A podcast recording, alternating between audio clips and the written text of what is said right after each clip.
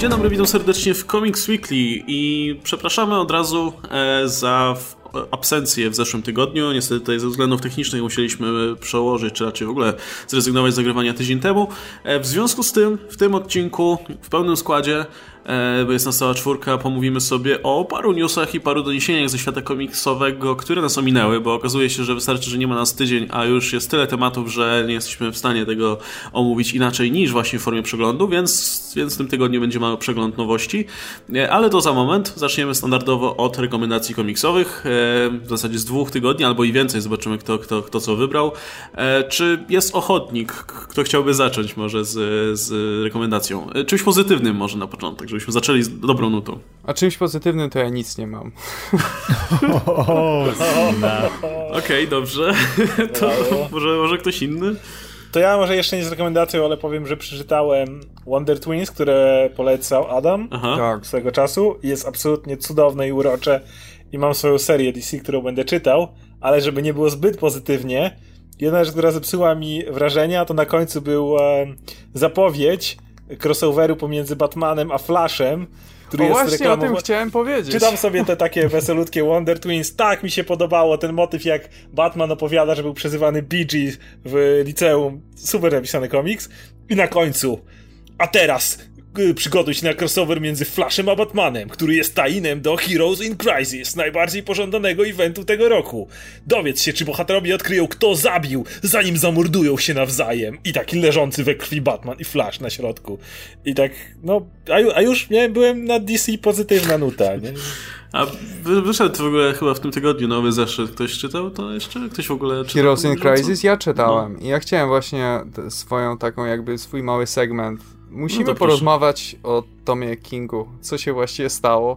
Bo tu jest potrzebna jakaś interwencja. Jak to jest możliwe, że scenarzysta, który potrafił pisać tak dobre rzeczy w przeszłości, robi takie gówno?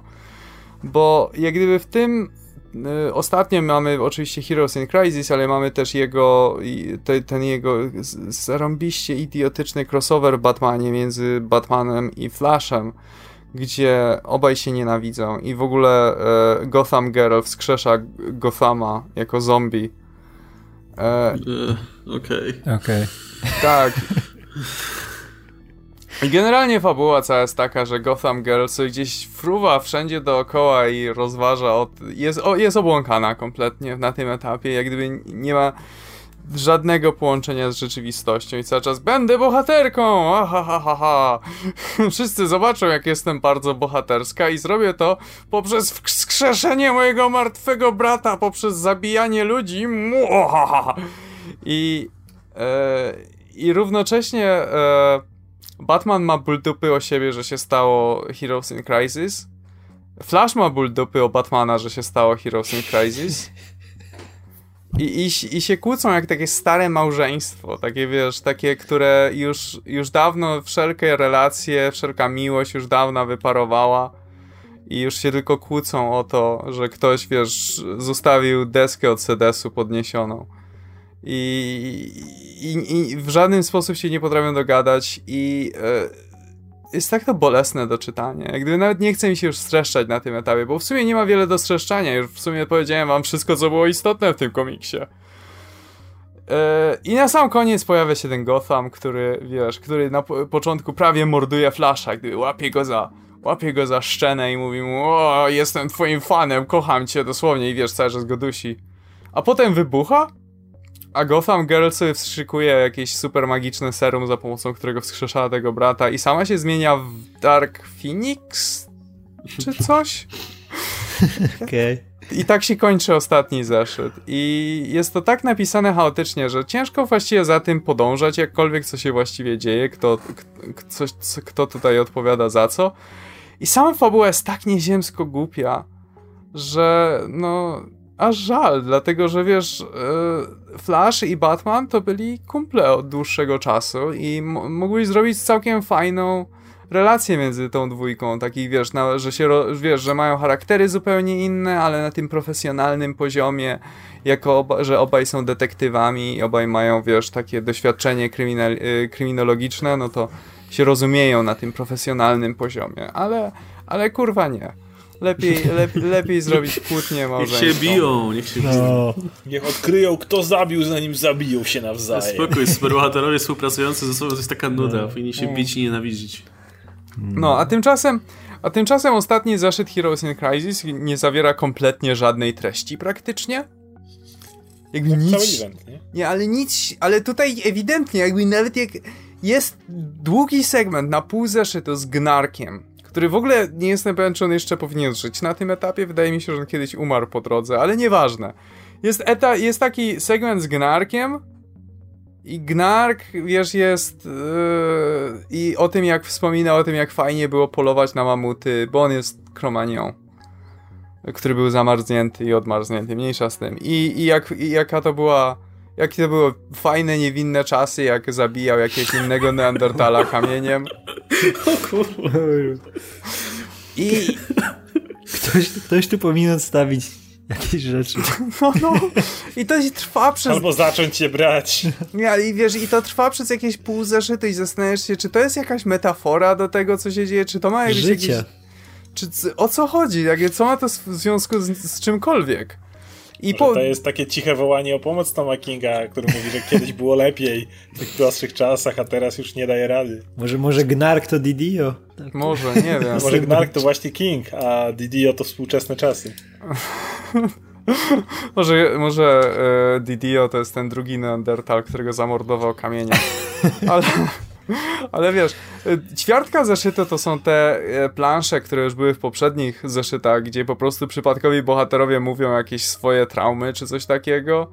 Że wiesz, Commander Steel mówi: O, umarłem tyle razy, umarłem wtedy, umarłem wtedy. Pewnie jeszcze raz umrę. I koniec strony, i takie. Przykro mi się. Jakby. Co, co, co mogę zrobić dla ciebie? Później mamy jakieś dwie strony tego, co właściwie co się zdarzyło w Sanctuary, gdzie dostajemy się, dostajemy mikroskopijne informacje. Właściwie nie dostajemy informacji. Dowiadujemy się, że ktoś tam przyszedł i ich zamordował. To się dowiedzieliśmy. Nie wiedzieliście tego pewnie. I tak, i to jest, i wszystko jest przepełnione taką pseudo filozofią, jakby co chwilę jest powto, pow, Gnark szczególnie cały czas gada. O, Platon mówił, że żyjemy w jaskini, bo są cienie. Ja myślę, że, że nie. Al, a może mieszkać? Żyjemy w jaskini? Nie wiem. Jest takie, nie wiem, może ja jestem za głupi na ten komiks, ale jak gdyby jest straszne gówno wyszło. Nie no kurczę, okaże się, że to sank- sanktuarium to był błąd i stoi za tym ktoś zły i tyle, i tak to zaorają, bo nie wiem co, co jeszcze zamierzają z tego uratować. Był jeden, był jeden fajny moment i wydaje mi się, że to był jeden moment, który był faktycznie napisany przez Toma Kinga od początku do końca, gdzie Wally opowiada swoje doświadczenia jak gdyby po powrocie do uniwersum, gdzie wiesz, wszyscy się cieszą na jego powrót, gdzie on też się cieszy, ale wewnątrz cały czas go boli to, że wiesz, że nie ma rodziny, że nie ma swoich dzieci, że nie ma swojej, swojej żony i tak dalej i to było interesujące, ale to są jakby dwie strony, a cała reszta to jest taki, to jest gnark. Więc jeśli, jeśli ktoś z was, drodzy słuchacze, jest fanem Gnarka, to, to jest zeszyt dla was. Em, Okej, Em, to, to Radek. Radek, twoja To ja, kolej. ja, się troszkę w co cofnę w tym e, kalendarzu wydawniczym, bo nadrabiałem jakiś czas temu e, Green Arrowa, którego porzuciłem w pewnym momencie, O. bo... E, ale nie, ale to będzie pozytywnie akurat. Wow! tak, się bo, zmieniło? bo tak, bo Percy już skończył swoją, swoją długą, zbyt długą karierę przy No tym to- tytule. I Jezu, on to, ta, on to tak masakrycznie zaorał, że to było nieczytelne zupełnie. Benjamin Percy to jest najgorsze, co się przydarzyło komiksom DC od czasów ostatniego, najgorszego, co się przydarzyło. Albo wtorku, no, tak pewnie, od czasu tego, ślubu Batmana, o, weźmy, weźmy na to który też był zajechany, ale, ale dobrze, że skończył i na dwa numery przejęła serię e, tam e, mm, e, Mary Grid Scott. To jest taka autorka, która pisze, pisała na przykład bardzo fajne komiksy z Transformers o Windblade i e, przez długi czas ciągnęła też ostatnio serię jedną solową z Transformerami, bo naprawdę spoko. Utalentowana e, autorka i właśnie wskoczyła na dwa numery, które były filerowe między końcem tego, co robił e, właśnie Percy. Później ktoś tam jeszcze był, nie pamiętam, Wilson jakiś czy ktoś, ale to też było słabe, chyba z dwa czy trzy numery.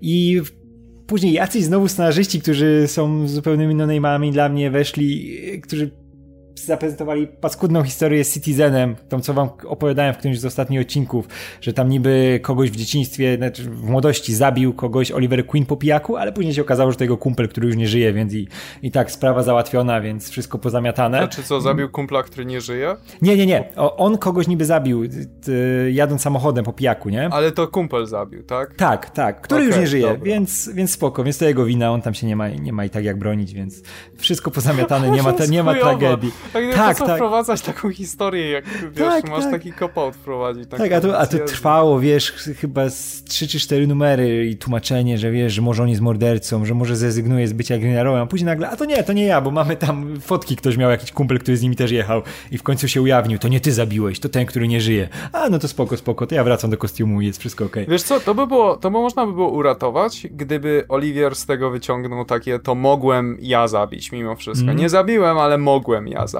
i wiesz, i miałby jakąś małą drogę. No nie, tutaj tak... nic, nic nie było. Nie. Tutaj, wiesz, w, ty, w, tym, w tym temacie to może coś uratować tylko ten Daredevil, którego teraz pisze Zdarski, ale to zobaczymy, nie? Bo nie czytałem jeszcze drugiego numeru. Ale wracając do Green Arrowa, dwa numery właśnie pisała ta Margaret Scott, 41 i 42, który jest naprawdę super historią, żeby od tak sobie przeczytać coś fajnego, super bohaterskiego, bo to jest historia o tym, że Green Arrow zostaje wysłany do tamtego super więzienia dla super przestępców, żeby przetransportować e, Parasite'a z jednego miejsca do drugiego. Wysłali generała, bo jak sam powiedział, on nie ma żadnych mocy, a ten Parasite, ten e, z New 52, on przejmuje, wiesz, te umiejętności superbohaterów, jak jest blisko nich, nie? Jak coś tam z DNA ich dojdzie do kontaktu, mm -hmm. to, to przejmuje te ich e, supermoce. No to wysłali Green Arrowa, bo on nic, nic, nic nie ma takiego, więc spoczko, poza nie? Tym, poza tym, wiesz, e, nie ma szkody, jakby go zabił, prawda? Tak, to też, to jakby, też. Jakby był jest, Batman, to by było Tak, i to jest, to, to, to, jest naprawdę fajnie e, rozegrane, bo Green Arrow sam to mówi, nie? Że no, on jest tym gościem, którego wysyłają właśnie do takich zadań, bo nie może narobić kłopotu, a może coś tam uratuje, jak już jest, nie? Na miejscu. I oczywiście wiadomo, wszystko się zaczyna sypać, e, Parasite spieprza z tego więzienia. I cała ta historia opiera się na tym, że wiesz, że jest pokazane jak e, musi przeżyć e, Green Arrow w takim miejscu, nie? Bo tam oczywiście wszyscy zaczynają super złoczyńcy spieprzać z tego więzienia, tam nie ma jakichś zodów czy kogoś aż tak na takim poziomie, żeby to nie było parodią, że on ich tam rozwala, ale jest naprawdę super pokazane, co z tworzy tego Green Arrowa, czemu on jest fajną postacią cały czas i właśnie jak funkcjonuje Oliver Queen w tym świecie superbohaterów. I naprawdę super historia, płynie się przez to. Cały czas jest głównym tym przeciwnikiem jest Parasite i jego historia też jest fajnie pokazana, jak mówię, że to jest dla niego tragedią, że on tam, tam zwykłym jakimś pomywaczem, trochę jak Toxic Avengers, a na, Toxic Avenger, a nagle wiesz, dostał te moce, które, z którymi sobie nie może poradzić. I na przykład jest pokazane, jak e, w więzieniu strażnicy sobie z nim tam, wiesz, e, się obchodzą, że on nie, nie chcą tam nic zmieniać, wiesz, żyje tam jakiejś celi w odosobnieniu, całkowicie tam, wiesz, zbesztany i, i no, no, no ma strasznie. I naprawdę super jest pokazane to, jak, jak Oliver sobie musi poradzić, jak rozwiązuje tą sprawę z Parasite'em. Takie, tego mi brakowało właśnie w tym tytule, żeby to była prosta, dobrze napisana historia, która znowu ci zainteresowanie postacią w tobie wzbudza. I naprawdę polecam. 41, 42 numer. Świetnie rysowane, świetnie poprowadzone i Oliver tam naprawdę wymiata i zobaczyłbym to w jakimś... To w ogóle to jest fajna fabuła nawet na film, żeby pokazać właśnie z Green Arrowem, bo to jest wszystko podsumowane, czemu, czemu on jest naprawdę interesującą postacią. O, okej, okay, czyli jest pozytywna jest nuta. z DC. Good, dobra. Wiem, że wiem, że wybór Oscara się może nam połączyć z e, jednym z newsów, więc może zostawimy na koniec. E, to jeszcze ja się wetnę w międzyczasie, bo ja zacząłem czytać e, kompletnie od czapy. W sumie nie wiem, co mi do tego skłoniło, ale jakoś tak. A wiem, co mi do tego skłoniło. E, czytałem Hulka, Incredible Hulka i tam nagle w piekle się pojawia generał Ross. I tak mówię, kurde, co się stało? Przecież, o ile ja dobrze pamiętam, to generał Ross żył. Więc wyczytałem w internecie, że jak chcę się dowiedzieć, co tam z Rossem, no to mam czytać Kapitana Amerykę. To mówię, no dobra, to poczytam Kapitana Amerykę. Dawno nie czytałem żadnego komiksu z Capem na, pier na, pier na pierwszym planie. I jedyne, co pamiętam, czy raczej jedyny mój kontakt z tą serią, ten Hesi Koca, z, y, która teraz wychodzi, no to były te wasze narzekania z, e, nie wiem, z pierwszej części, no z paru ostatnich zeszytów powiedzmy, czy raczej z paru pierwszych zeszytów tego ranu. E, no ale stwierdziłem, okej, okay, zobaczę o co chodzi. I powiem szczerze, że mi się podobało. nie żałuję, że sprawdziłem, no. E, często tak bywa, ale mi, mi akurat ta historia podeszła. Początek jest akurat e, fakt dosyć taki powolny, bardzo powolny w zasadzie. Tam jest więcej dialogów niż czegokolwiek innego. Więc jeszcze rozumiem, że to może odrzucać, ale szczerze mówiąc, im dalej, im dalej w las, tym coraz bardziej mnie ta historia interesuje. Bo jeśli ktoś nie wie, ja tak bardzo, bardzo skrótowo tylko powiem o tym, co się działo tam wcześniej. No, Steve Rogers, znaczy to jest ta seria, która stara się rozliczyć z tym, co się działo w Secret Empire. Tak jak ta seria Wade'a raczej pomijała temat i się skupiała na zasadzie, hej, pokażmy Kapitana Amerykę w klasycznym wydaniu, niech będzie fajnie. E, natomiast tutaj już to, co się działo podczas Secret Empire, to, że pojawił się ten e, zły Steve Rogers, to mm, no jest, jest dosyć ważnym w ogóle punktem całej tej historii. E, no, zaczyna się to od tego, że nagle pojawia, pojawia się tam masa klonów Nuka i kapitan rusza, e, żeby, żeby się z nimi rozprawić. Generalnie współpracuje z no, rządem, no bo nie ma już SHIELD, więc kapitan normalnie by współpracował z SHIELD. Tutaj współpracuje z rządem, więc musi się godzić na rozmaite tutaj kompromisy. E, no i w zamian za służbę państwu podczas właśnie całej tej akcji Secret Empire, wiele osób, które nie do końca są przychylne kapitan, kapitanowi Ameryce teraz znowu jest na wysokich pozycjach. Między innymi generał Ross wypracował sobie powiedzmy wyższą pozycję, no i Steve Rogers musiał współpracować z nim. A jak wiadomo, Steve Rogers i kapitan Ross, znaczy e, no, Ross nie jest tutaj zbyt poważoną postacią po tym, co nadpieprzał ostatnimi czasy, e, więc Steve podchodzi do tego nieufnie. E, I w końcu nastąpiła taka akcja, gdzie Ross wysłał Sharon Carter, E, czyli partnerkę Steve'a, agent 13 i tak dalej, na misję, gdzie została uwięziona. I Steve był pewien, że to jest jakiś sabotaż, że grupa, tajemnicza grupa, jak to się nazywało, Elite? E, czyli do której należy między innymi Celine, która w ogóle się pojawia jako antagonista tej Kapitana Ameryki, co było ciekawym pomysłem, bo w sumie jedyne co ich łączy to to, że oboje są starzy gdzie jest y, na przykład y, Alexa Łukin, czyli ta partnerka Aleks Aleksandra Łukina, czyli no adwersarza Kapitana Ameryki od bardzo dawna, który był martwy wcześniej. I jeszcze ktoś był w tym, w tym, w tym, w tym całym zebraniu, no ale nieważne. Łukin zostaje przywrócony do życia. Nie wiadomo do końca jak, ale zostaje wykorzystany do tego pojmana właśnie Sharon.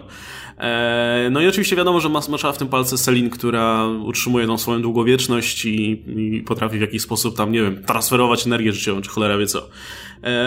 Więc Steve stwierdza, no to trudno, ja się nie będę słuchał, ruszam na pomoc Sharon, no bo wiadomo, Sharon przede wszystkim. E, no i niestety, w, o ile udaje mu się uratować Sharon, to reszta, reszta jego przeciwników już zbiega z miejsca. I kiedy Steve wraca z tej misji, to okazuje się, że generał Ross nie żyje. I dzieje się to w ogóle poza panelami. Jest o tym tylko wspomnienie, więc na, gdybym czytał tylko Kapitan Amerykę, nawet nie wiedział, czy na pewno nie żyje, no bo nie wiadomo. E, dopiero w sumie Hulk tylko to potwierdza, bo on się tam pojawia w piekle, więc teoretycznie nie żyje. E, no i w tym momencie, mało tego, że, że Ross nie żyje, to nie dość, że opinia publiczna i osoby zainteresowane wiedzą, że Steve Rogers i generał Ross nie byli w zbyt dobrej komitywie, to ponoć obrażenia na ciele generała Rossa pochodzą z jakiegoś na przykład metalowego, płaskiego obiektu, którym ktoś rzucił w niego bardzo mocno. Więc, no cóż, podejrzenia idą wiadomo w jakim kierunku. I to jest, i, i to jest ten taki moment zwrotny, kiedy stwierdziłem, kurczę, podoba mi się ta seria, bo e, no oczywiście wszyscy oczekują, że Steve zostanie oczywiście jeszcze nie pociągnięty do odpowiedzialności, ale przesłuchany i ogólnie będzie prowadzone jakieś dochodzenie, e, więc trzeba będzie go oczywiście tutaj, e, no, osadzić w jakimś areszcie. No i Steve zastanawia się, co ma zrobić.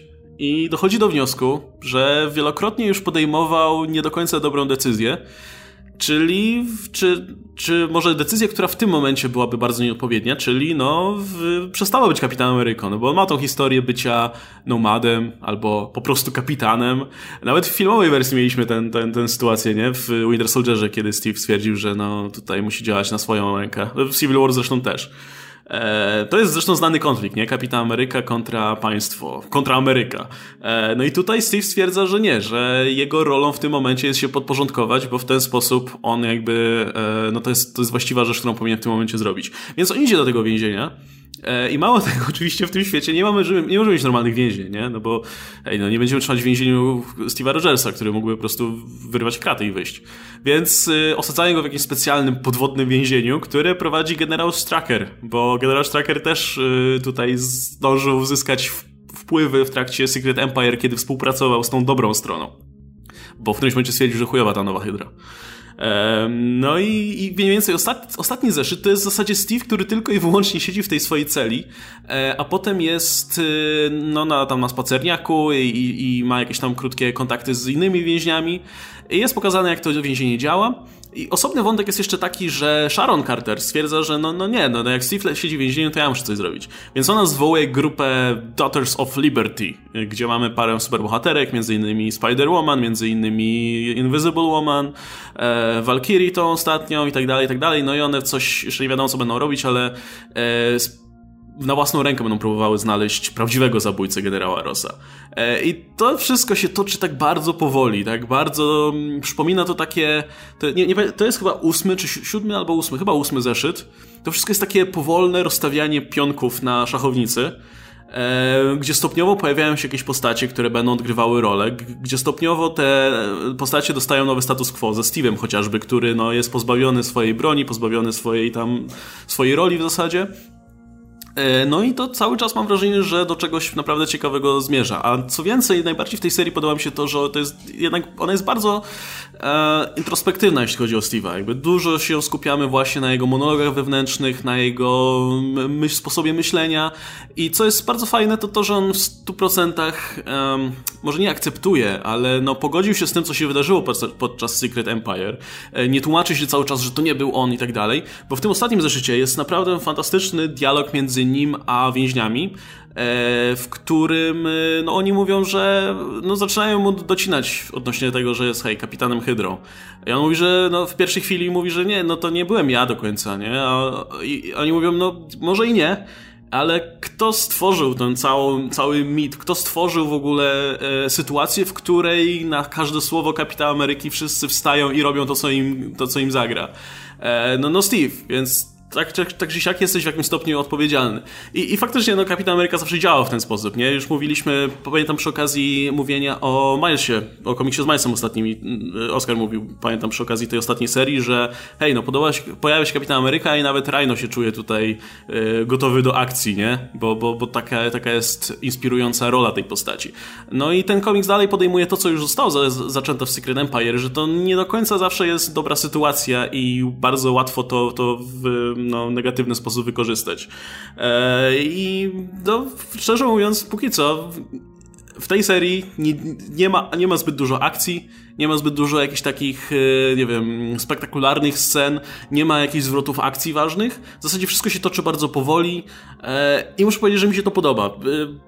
Przypomina mi to trochę seriale Netflix, kiedy jeszcze były dobre, te z bohaterami Marvela, gdzie też przez, nie wiem, w pierwszym Daredevil na przykład, też nie mieliśmy zbyt dużo jakichś, yy, poza jakimiś pojedynczymi, powiedzmy, scenami walk, no to tam się akcja toczyła dosyć wolno, e, pojawiały się nowe postacie, dowiadywaliśmy się powoli o ich motywacjach, i dopiero to zmierzało, zmierzało do tego momentu, kiedy już byliśmy tak w to zaangażowani, że po prostu e, oglądało się to no, po prostu siedząc na skraju fotela. I ja mam podobne na razie odczucia odnośnie tego komiksu. Szczególnie, że przecież jeszcze masa rzeczy dopiero będzie się działa. Ten motyw z Red Skullem jeszcze, jeszcze nie został w żaden sposób eksplorowany, no bo wiadomo, że jak wrócił e, Łukin, no to on miał odciśnięty w zasadzie w głowie mentalny, osob, no, mówiąc w skrócie, osobowość i, i Red Skulla, więc w jakiś sposób Red Skull też wrócił. E, więc pewnie jeszcze to, to będzie w jakiś sposób angażowane. Ten motyw z tymi Daughters of Liberty nie został jeszcze, jeszcze nakreślony. Także tam się będzie jeszcze działa masa rzeczy, a wiem, że to, że to jest taka seria, której nie anulują ci nagle od tak. E, więc, e, więc ja jestem bardzo za tym. Jeśli, jeśli ktoś też ma ochotę na taką powolniejszą serię, która jest bardziej, w której bardziej chodzi właśnie o intrygę, o nie wiem, no właśnie takie wtopienie się w to, co się tutaj dzieje, no to, to to jest tytuł odpowiedni dla was. Bo ja się na przykład w Black Panthera kompletnie nie mogłem wkręcić. E, a to, mówię oczywiście o serii tego samego autora, a ten kapitan mi się czyta, tego kapitan mi się czyta o wiele, o wiele lepiej. Okej. Okay, um, ja się zastanawiałem w sumie, czy Venom, czy Guardians of the Galaxy, ale to mogę powiedzieć Donny Cates, bo w sumie to i to. E, od Venoma zacznę chociaż krótko, bo jeszcze o nim sobie pogadamy chwilę przy innym temacie z zapowiedzi. W każdym razie u Venoma dalej ciągniemy wątek e, jakby nie ma, nie ma symbionta, e, znaczy jest, ale jest wyciszony i e, w pewnym momencie Maker, który już od czasu jakiegoś się pojawiał w tej historii, e, diagnozuje, że Eddie ma bardzo silny nawrót nowotworu, raka. Co no niby jest konsekwentne, bo już kilka razy były te motywy z nawrotem raka u Ediego, ale z drugiej strony bardzo nagle i bardzo gwałtownie, co nie jest charakterystyczne dla tej choroby. I yy, w tej historii pojawia się też brat Ediego, yy, który ma, ma być yy, jego bratem, w sensie mają mieć wspólnego ojca, dużo młodszy. I ten brat się od jakiegoś czasu przewija, jest powiedziane, że ojciec go bije i ogólnie nawet prosił będzie Ediego, żeby zabił tego ojca, potem powiedział, że tak naprawdę w sumie mu nie o to chodzi, żeby zabił, ale żeby jakoś mu pomógł. E, no i w tym no, komiksie jakby dostajemy bardzo ciekawe rozwiązanie, w którym wiemy już od jakiegoś czasu, że symbiont usuwał lub zmieniał pewne elementy wspomnień Ediego. Już mu wielokrotnie coś tam przestawiał, niby żeby go chronić, może przed traumą. W końcu niekoniecznie chciałby pamiętać Eddie, że kogoś zjadł, chociaż zdarzyło się może raz. Więc symbiont mu grzebał w pamięci, ale teraz dowiadujemy się czegoś dużo trudniejszego, Mianowicie Eddie nigdy nie miał raka. Nigdy nie był chory na raka i dalej nie jest. Symbiont symuluje w jego ciele wszystkie objawy, tak żeby odczyty były zgodne z nowotworem. E, kurde, dlaczego to robi?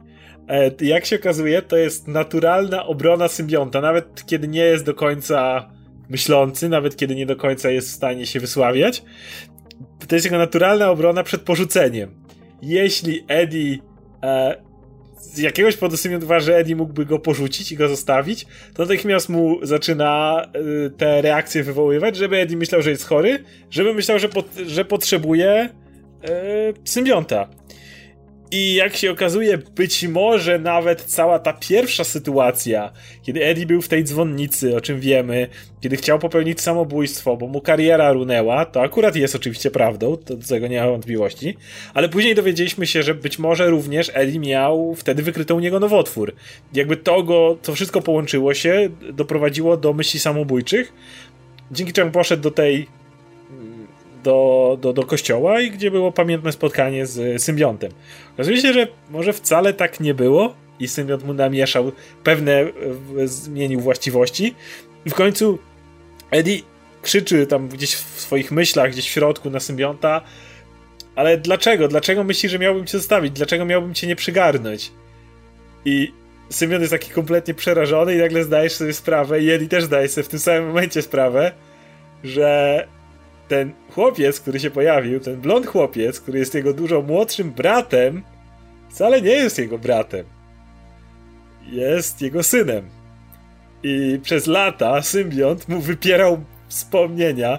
Znowu nie dlatego, że symbiont jest zły czy coś takiego, tylko to była jego naturalna reakcja ochronna przed, no taka rasa, przed tym, że Eli mógłby go porzucić. I to też wyjaśnia, czemu jego ojciec jest tak e, nastawiony wobec no, swojego wnuka, którego musi wychować jak swojego syna, bo patrzą na to, kim jest jego ojciec. I to jest takie, taki bardzo mocny reveal, który może zachwiać całą tą e, relacją, szczególnie kiedy Eddie mówi, ale myślałem do symbionta w środku, ale myślałem, że mnie kochasz. A to jest takie, sorry Eddie, no musiałem, bałem się, że mnie, że tutaj nie, nie wytniesz i, i myślisz sobie, o, ups. E, więc to jest jakby jedna rzecz, to jest Venom. Do Venoma, do Venoma wrócimy, mówię, przy, przy drugim będzie. Natomiast chcę o Guardiansach powiedzieć, bo Guardiansi e, niejako łączą się z tematem, który, który chcę jeszcze poruszyć i cieszę się, że powiedziałeś o tym Rosie i Kapitanie Ameryce, bo to absolutnie wpisuje się w to, o czym będę mówił. E, w Guardiansach mamy tą historię, w której, e, jak mówiłem przy poprzedniej, przy poprzednim odcinku, wszyscy szukają osoby, w którą mógłby, w której może obudzić się jaźń Thanosa, bo Thanos swoim e, testamencie powiedział, że po tym, kiedy umrze, gdzieś jego jaźń zostanie przeniesiona. No i większość galaktyki myśli, że to może być e, Gamora, w tym brat e, Thanosa Star Fox. Trochę hipokryzja, bo według mnie to też mógł być brat, no ale nieważne. E, I mamy, mamy sytuację z punktu widzenia Quilla, który jest kompletnie załamany, który jest teraz na skraju takiego pijaństwa ostrego, bo no drużyna mu się sypnęła. Rocket jest gdzieś na ziemi, Gamora go niedawno zabiła, tylko Doctor Strange cofnął czas, ale poza tym go zabiła. Drax w ogóle gdzieś tam umarł. Więc siedzi on z tym Grutem, który jeszcze jest taki bardzo opryskliwy do wszystkich, na tym statku i, i się zapija i na przykład dzwoni o czwartej rano do Kitty Pride. To jest dobry, dobry moment, żeby, dobry pomysł, żeby coś takiego robić. E, I, I, w ogóle najlepiej jak gada z nią i, i mówi w pewnym on, on, mówi, że no bo to jest mój nowy statek. Ona pyta, czemu nie hologram, tylko tak gadamy przez, przez ekran. Mówi, a nowy statek, nie stać było na lepszy.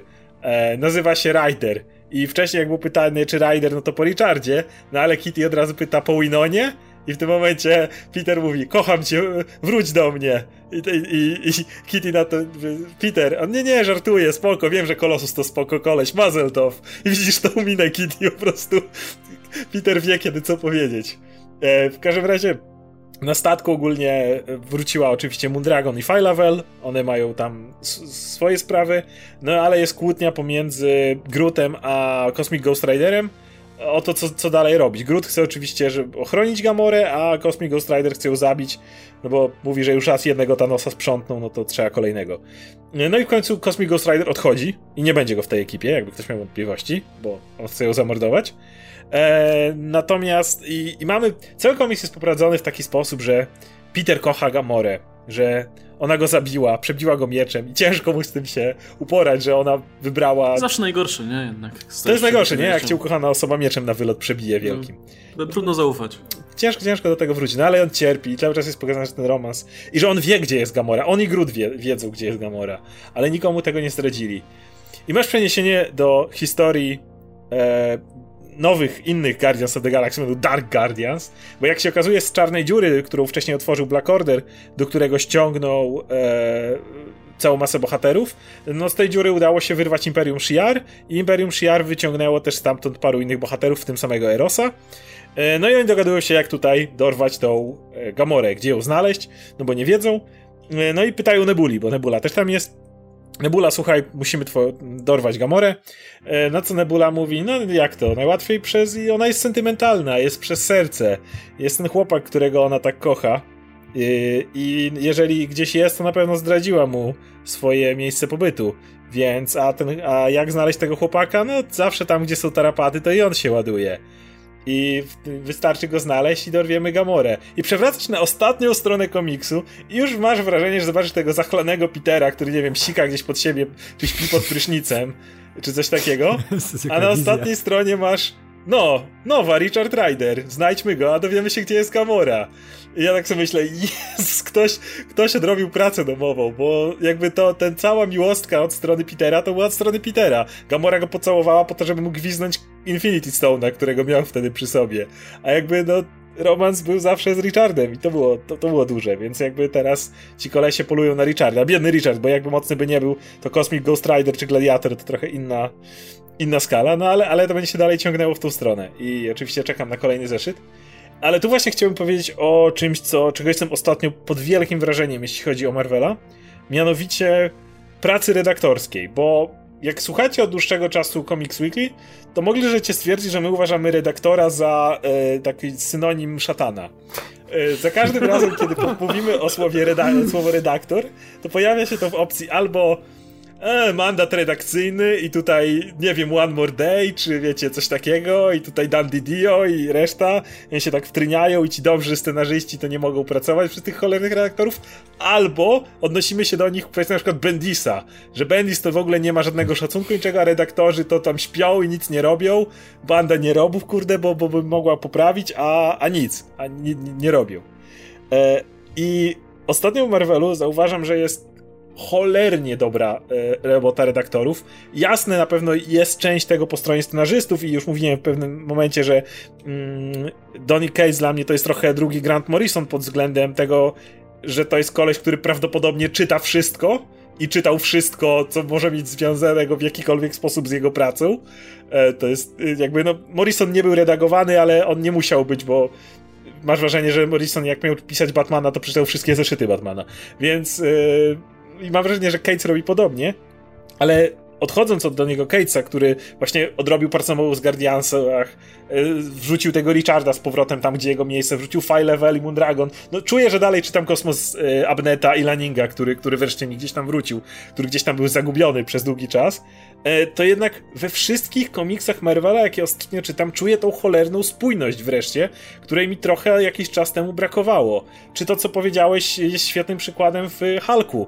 Ja nie, nie czytałem tego Kapitana Ameryki, się zastanawiałem, czy to nie jest jakaś po prostu wizja w piekle. I ty mi mówisz, nie, Ross faktycznie nie żyje. Więc ma, wiesz, masz... też nie wiadomo, ponownie, nie pokazano tej ciała, a nic takiego jasne. zakładają, że nie e, żyje, nie? E, no, a, ale, ale widzisz... Ale, je, ale jest to spójne, jasne. Jest ta klamerka. E, Absorbing Man, który pojawiał się w Hulku, znowu e, masz że właśnie to najlepiej widać w przypadku drugoplanowych postaci. Bo jeszcze jak myślisz o pierwszoplanowej postaci, no to tam no nie możesz, no wiadomo, że tam ktoś jednak nad tym czuwał. Ale w przypadku drugoplanowych postaci przez wiele lat yy, scenarzyści robili kompletnie co im się podoba. I masz takiego Absorbing Mana, który już u Saladina Ameda w mm, Black Bolcie został napisany jako w sumie ten fajny gość. On, ten jego romans z był tam rewelacyjnie poprowadzony. To jest taka para, która może by się chciała ustatkować, ale kurde, już tyle byli tymi przestępcami, że w sumie nie bardzo wiedzą, jak coś innego robić. Potem masz u Grega Paka w jego Weapon Age, kocham tą serię. E, w Weapon Age masz ten moment, kiedy Tytania zostaje zatrudniona przez Roxon, żeby zrobić, no, żeby pójść na misję tam w, do Weird World. Legalna praca, no, jak, jak legalna jak na Roxon. O, z punktu widzenia Tytanii papierki wszystkie załatwione. E, idzie tam i jednocześnie mówi, że Krill nie poszedł z nią, że on nie chciał tej roboty. Wracasz do Hulka, którego pisze teraz Al Ewing, gdzie y, pokazuje dlaczego, że Karl Krill po prostu uznał, że no co mu kobieta będzie pracę załatwiała. To nie to on tutaj ma robić swoje i miał ustawiony swój napad i najpierw tego napadu nie widzimy. Widzimy tylko jak go Iron Man zdziela po ryju i, i, tyle z jego całej roboty. I yy, z kolei na końcu całego, całej historii Absorbing Man dostaje ofertę pracy od Paka, żeby do tego ich Gamma Flight dołączył. A on mówi, spoko, to jeszcze żonę w to zatrudnicie, a Pak mówi, no w sumie czemu nie, dawaj, im więcej, tym weselej. E, I masz znowu to, to, to, to, to poczucie spójności. I tak jest praktycznie wszędzie. Czy teraz czytałem Invaders, gdzie wspominają o tym, że Ej, no ale Charles Xavier nie żyje, więc ciężko będzie go zapytać o to, co zrobił z Namorem. I oczywiście masz adnotację, że a przynajmniej tak myślą, e, bo coś tam. I jakby bardzo, bardzo to lubię, dlatego że masz tą spójność świata, a jednocześnie możesz czytać każdą z tych serii. O, albo właśnie, na końcu historii teraz Milesa Moralesa, kiedy współpracował z Rhino i Kapitanem Ameryką, na końcu Kapitan Ameryka odbiera telefon i mówi: Sorry, ale chyba jestem potrzebny w Rumunii. Y, co jeżeli znowu czytało się Avengers Arona, to wiemy, że tam jest ta cała sprawa z wampirami, ten, ten, ten, ten epicki moment, kiedy Cap z tarczą i krzyżem w ręku jest zbyt zajęty stojąc, żeby klęknąć. To, jest e, e, epicki moment. I strasznie mi się to podoba, bo mówię, z jednej strony jasne, scenarzyści pewnie odrabiają pracę, ale wydaje mi się, że jednak jest tutaj dużo większe angażowanie redaktorów niż było szczególnie w ekipie e, Alonso jeszcze jakiś czas temu, i jest to o tyle świetnie poprowadzone, że każdą z tych serii możesz czytać solo i to nie jest tak, że bez czegoś nie zrozumiesz. To nie jest tak, że ej, chcesz wiedzieć co do końca tam, to koniecznie zajrzyj u niego, bo inaczej nie zrozumiesz serii. Równie dobrze możesz czytać sobie tego Milesa i następny numer Milesa nazywa się Dzień Wolny Milesa Moralesa, wiadomo, Ferris Bueller odniesienie i będzie dalej o jakieś tam perypetie Milesa, a możesz sobie założyć, że Kapitan Ameryka poleciał na kolejną misję, bo to jest facet, który lata na kolejne misje, ale możesz poczytać o tej misji. E, I w ten sposób jakby czuję tą spójność, ale nie ma tych też tego, tych kajdanek, które powodują, że scenarzyści nie mogą pisać tego, co chcą, bo z grubsza mogą. A największym wygranym, wydaje mi się, w tym wszystkim yy, są fani, którzy lubią widzieć rozwój postaci, bo wydaje mi się, że w tej zbyt dużej swobodzie i w zbyt dużej wolności scenarzysty najbardziej cierpia, cierpiał rozwój postaci. Dlatego, że co z tego, że okej, okay, w tym odcinku nie wiem, Thor nie walnął tak dużą błyskawicą, albo Doctor Strange innego zaklęcia użył niż zwykle używał gdzieś tam. Co pierdoły to, czy ta postać ma taką moc, czy tamtą. Y, chyba, że bardzo, bardzo wpływa na jego charakter i bardzo wpływa na, w jakimś ale generalnie są pierdoły. Więc jakby tego typu błędy zawsze wybaczałem. Natomiast problem polega na tym, i oczywiście tutaj możemy odwołać się znowu do nieszczęsnego Bendisa i jego Civil War 2, ale też masy innych rzeczy, kiedy największymi ofiarami tego, tego, te, te, tego tej wolności stają się bohaterowie, który, którzy nie są pilnowani w, właśnie w ten sposób, że byli kanonicznie, bo czytamy jakiegoś bohatera, właśnie nawet drugoplanowego bohatera, a nuż ktoś po historii Black Bolta uwielbia Absorbingmana i Tytanie, wiadomo, że oni nie dostaną swojej serii, ale a nuż pojawią się tu i tam i fajnie ich znowu spotkać, patrząc na to, jak się zmienili. Czy tego Rhino, który po Clone Conspiracy trochę się zmienił i znowu inny scenarzysta mógłby go natychmiast wrzucić w, innym, w innej redakcji, znowu w środek jakiejś wielkiej konspiracji, ale nie. Pojawia, czy pojawia się Miles, czy pojawia się Peter, oni od razu wiedzą, że Rhino to już jest trochę inny Rhino i natychmiast mają z nim team-up, bo wiemy, ile ten gość przeszedł. I wydaje mi się, że pilnowanie tego daje dużo większą, długofalową satysfakcję z czytania tych komiksów, kiedy wiem, że ta postać przechodzi swoją drogę i jasne, może, może się cofnąć, ale jeżeli jakoś cofnie się do starych dróg, to mam przynajmniej teraz takie poczucie, nazwijmy to, e, komfortu, takiej stabilności, że ktoś to napisze, dlaczego ta postać przeszła może drogę powrotną. Natomiast e, wiem, że nikt mi nagle z tyłka nie wyskoczy z zupełnie innym charakterem tej postaci, jak non-stop się zdarzało w komiksach, bo ups, nie przeczytałem i żaden redaktor nie sprawdził, więc ja jestem pod ogromnym wrażeniem tego, jak spójny jest obecnie, spójnie prowadzony jest obecnie świat Marvela i wydaje mi się, że właśnie tutaj redakcja absolutnie zasługuje na pochwałę. Nie no, to jest y, największa zaleta i wada generalnie komiksów superbohaterskich, to jest to, że jednak trzeba się przejmować takimi rzeczami, nie? I chcąc nie, no masz związane ręce pisząc jakiegoś bohatera, nie możesz zrobić czego chcesz, dlatego ta rola redaktorów jest nie do przecenienia, nie? I widzimy regularnie, jak, e, jak bardzo to jednak wpływa na przyjemność czytania, kiedy redaktorzy nie dopilnują pewnych rzeczy. Jeszcze w mam takie pytanie e, a propos tego, co ty powiedziałeś, a propos, a propos też mojej rekomendacji. Czy ten zły Steve Rogers, który po Secret Empire został osadzony w, zamknięciu, E, on się pojawiał jeszcze gdzieś później, czy ostatnio się gdzieś pojawił? Wiem, że mówiliście kiedyś, że był w Punisherze, zdaje się. To było jego ostatnie pojawienie tak. się. Jak próbował go Baron Zimo wyciągnąć, Punisher to udaremnił i z powrotem go zamknęli. I na tym się skończyło. Aha, okej, okay. no dobra, to, to ma to sens, bo też y, on się pojawia też w tej serii z Kapitanem Ameryką y, i zostaje tam wyciągnięty przez właśnie Alexę i Selin, tylko że Selin natychmiast aplikuje mu jakieś czary mary i kończy, kończy się jego występ tym, że zaczyna się dosłownie topić krzycząc coś o Hydrze. Byłem ciekaw, czy, czy gdzieś nie działo się coś jeszcze innego, co by nie stało w sprzeczności z tym, bo wydawało mi się, że ktoś będzie chciał go jeszcze wykorzystać. Wygląda na to, że jakieś tam jego nowe status quo, albo może śmierć, albo cokolwiek, e, no nastąpi właśnie tutaj. E, I kto wie, może, może ktoś się jeszcze do tego odniesie. Nie, właśnie pamiętałem coś o tym, o tym Punisherze, że tam się pojawił i byłem ciekaw, czy może dalej jest, wiesz, celem Punishera, bo to by troszkę skomplikowało znowu Rosenbergowi sytuację, gdyby, nie, gdyby to dalej jest było. celem Punishera. Kapitan okay. Hydra siedział w pierdlu cały czas właśnie. No to się Więc... podzielili, bo, bo Zimo w Kapitanie nie ma ani, ani trochę. Wydawałoby się, że mógłby się pojawić, nie? Jednak, ale nie. Mówię, wydaje mi się, że ktoś wreszcie tam czuwa nad tym, czy to znowu e, pochwały w stronę Cebulskiego, który który zorganizował taką ekipę, czy, czy coś, bo ja, ja to, ja mówię, ja to bardzo szanuję i no tu mi trochę przykro ze strony DC, że wzięli Bendisa, który jest gościem, który absolutnie tego nie szanował, nigdy nie szanował, dalej tego nie szanuje i, i niestety na ile czytałem jego twory w DC, to to dalej, dalej ma dosyć dużo, du dosyć dużo swobody. Mówię, kurde, da się to pogodzić. I obecnie właśnie popatrz na to, jak dobrze pisze swoje historie, czy Rosenberg, czy Cates, czy Ali Ewing, czy nie wiem, Kelly Thompson. I jak to wszystko jest jednak ze sobą spójne, jak na przykład u Jessica Jones, Jessica Jones ma teraz krótki team-up miała z Emma Frost, zresztą absolutnie kapitalnie napisany przez Thompson. I Emma Frost przyszła już jako Black King co, co dosłownie było w tym jednym zeszycie pokazane tam w tym e, X-Men Black, gdzie, który każdy mógł przegapić, jak, jak nie zauważył, bo to gdzieś tam, to był one shot, który gdzieś przeleciał, ale nie, jest to dopilnowane, Emma Frost jest teraz, pełni rolę Black King i, i nawet mimo tego, że na sekundę przyszła pomóc Jessice, da, dalej jest w ten sposób jakby pokazane, więc mam naprawdę czuję, czuję, że to wreszcie jest bardzo spójne i czuję, że już nie będę miał więcej banerów, którzy, którzy są właśnie o, wyleczyłem cię, oczy mignęły mu na zielono, pach. Yy, tym bardziej, że nawet do tego coraz bardziej się Ewing swojej historii odnosi. I, i, ewidentnie odnosi się z pogardą do tego, więc mam wrażenie, że to jest że to jest też pokazane jako, jako coś taki, no oni zdają sobie sprawę, że to był fuck up. I, i cieszy mnie to. No, w DC to jest też część e, szerszego problemu, nie? Gdzie e, porozumienia nie ma tylko między, nie, nie, tylko między scenarzystami a redaktorami, ale też ogólnie między, e, póki co przynajmniej, między kierunkiem, jaki ogólnie ma to uniwersum. Miejmy nadzieję, że to zostanie rozwiązane.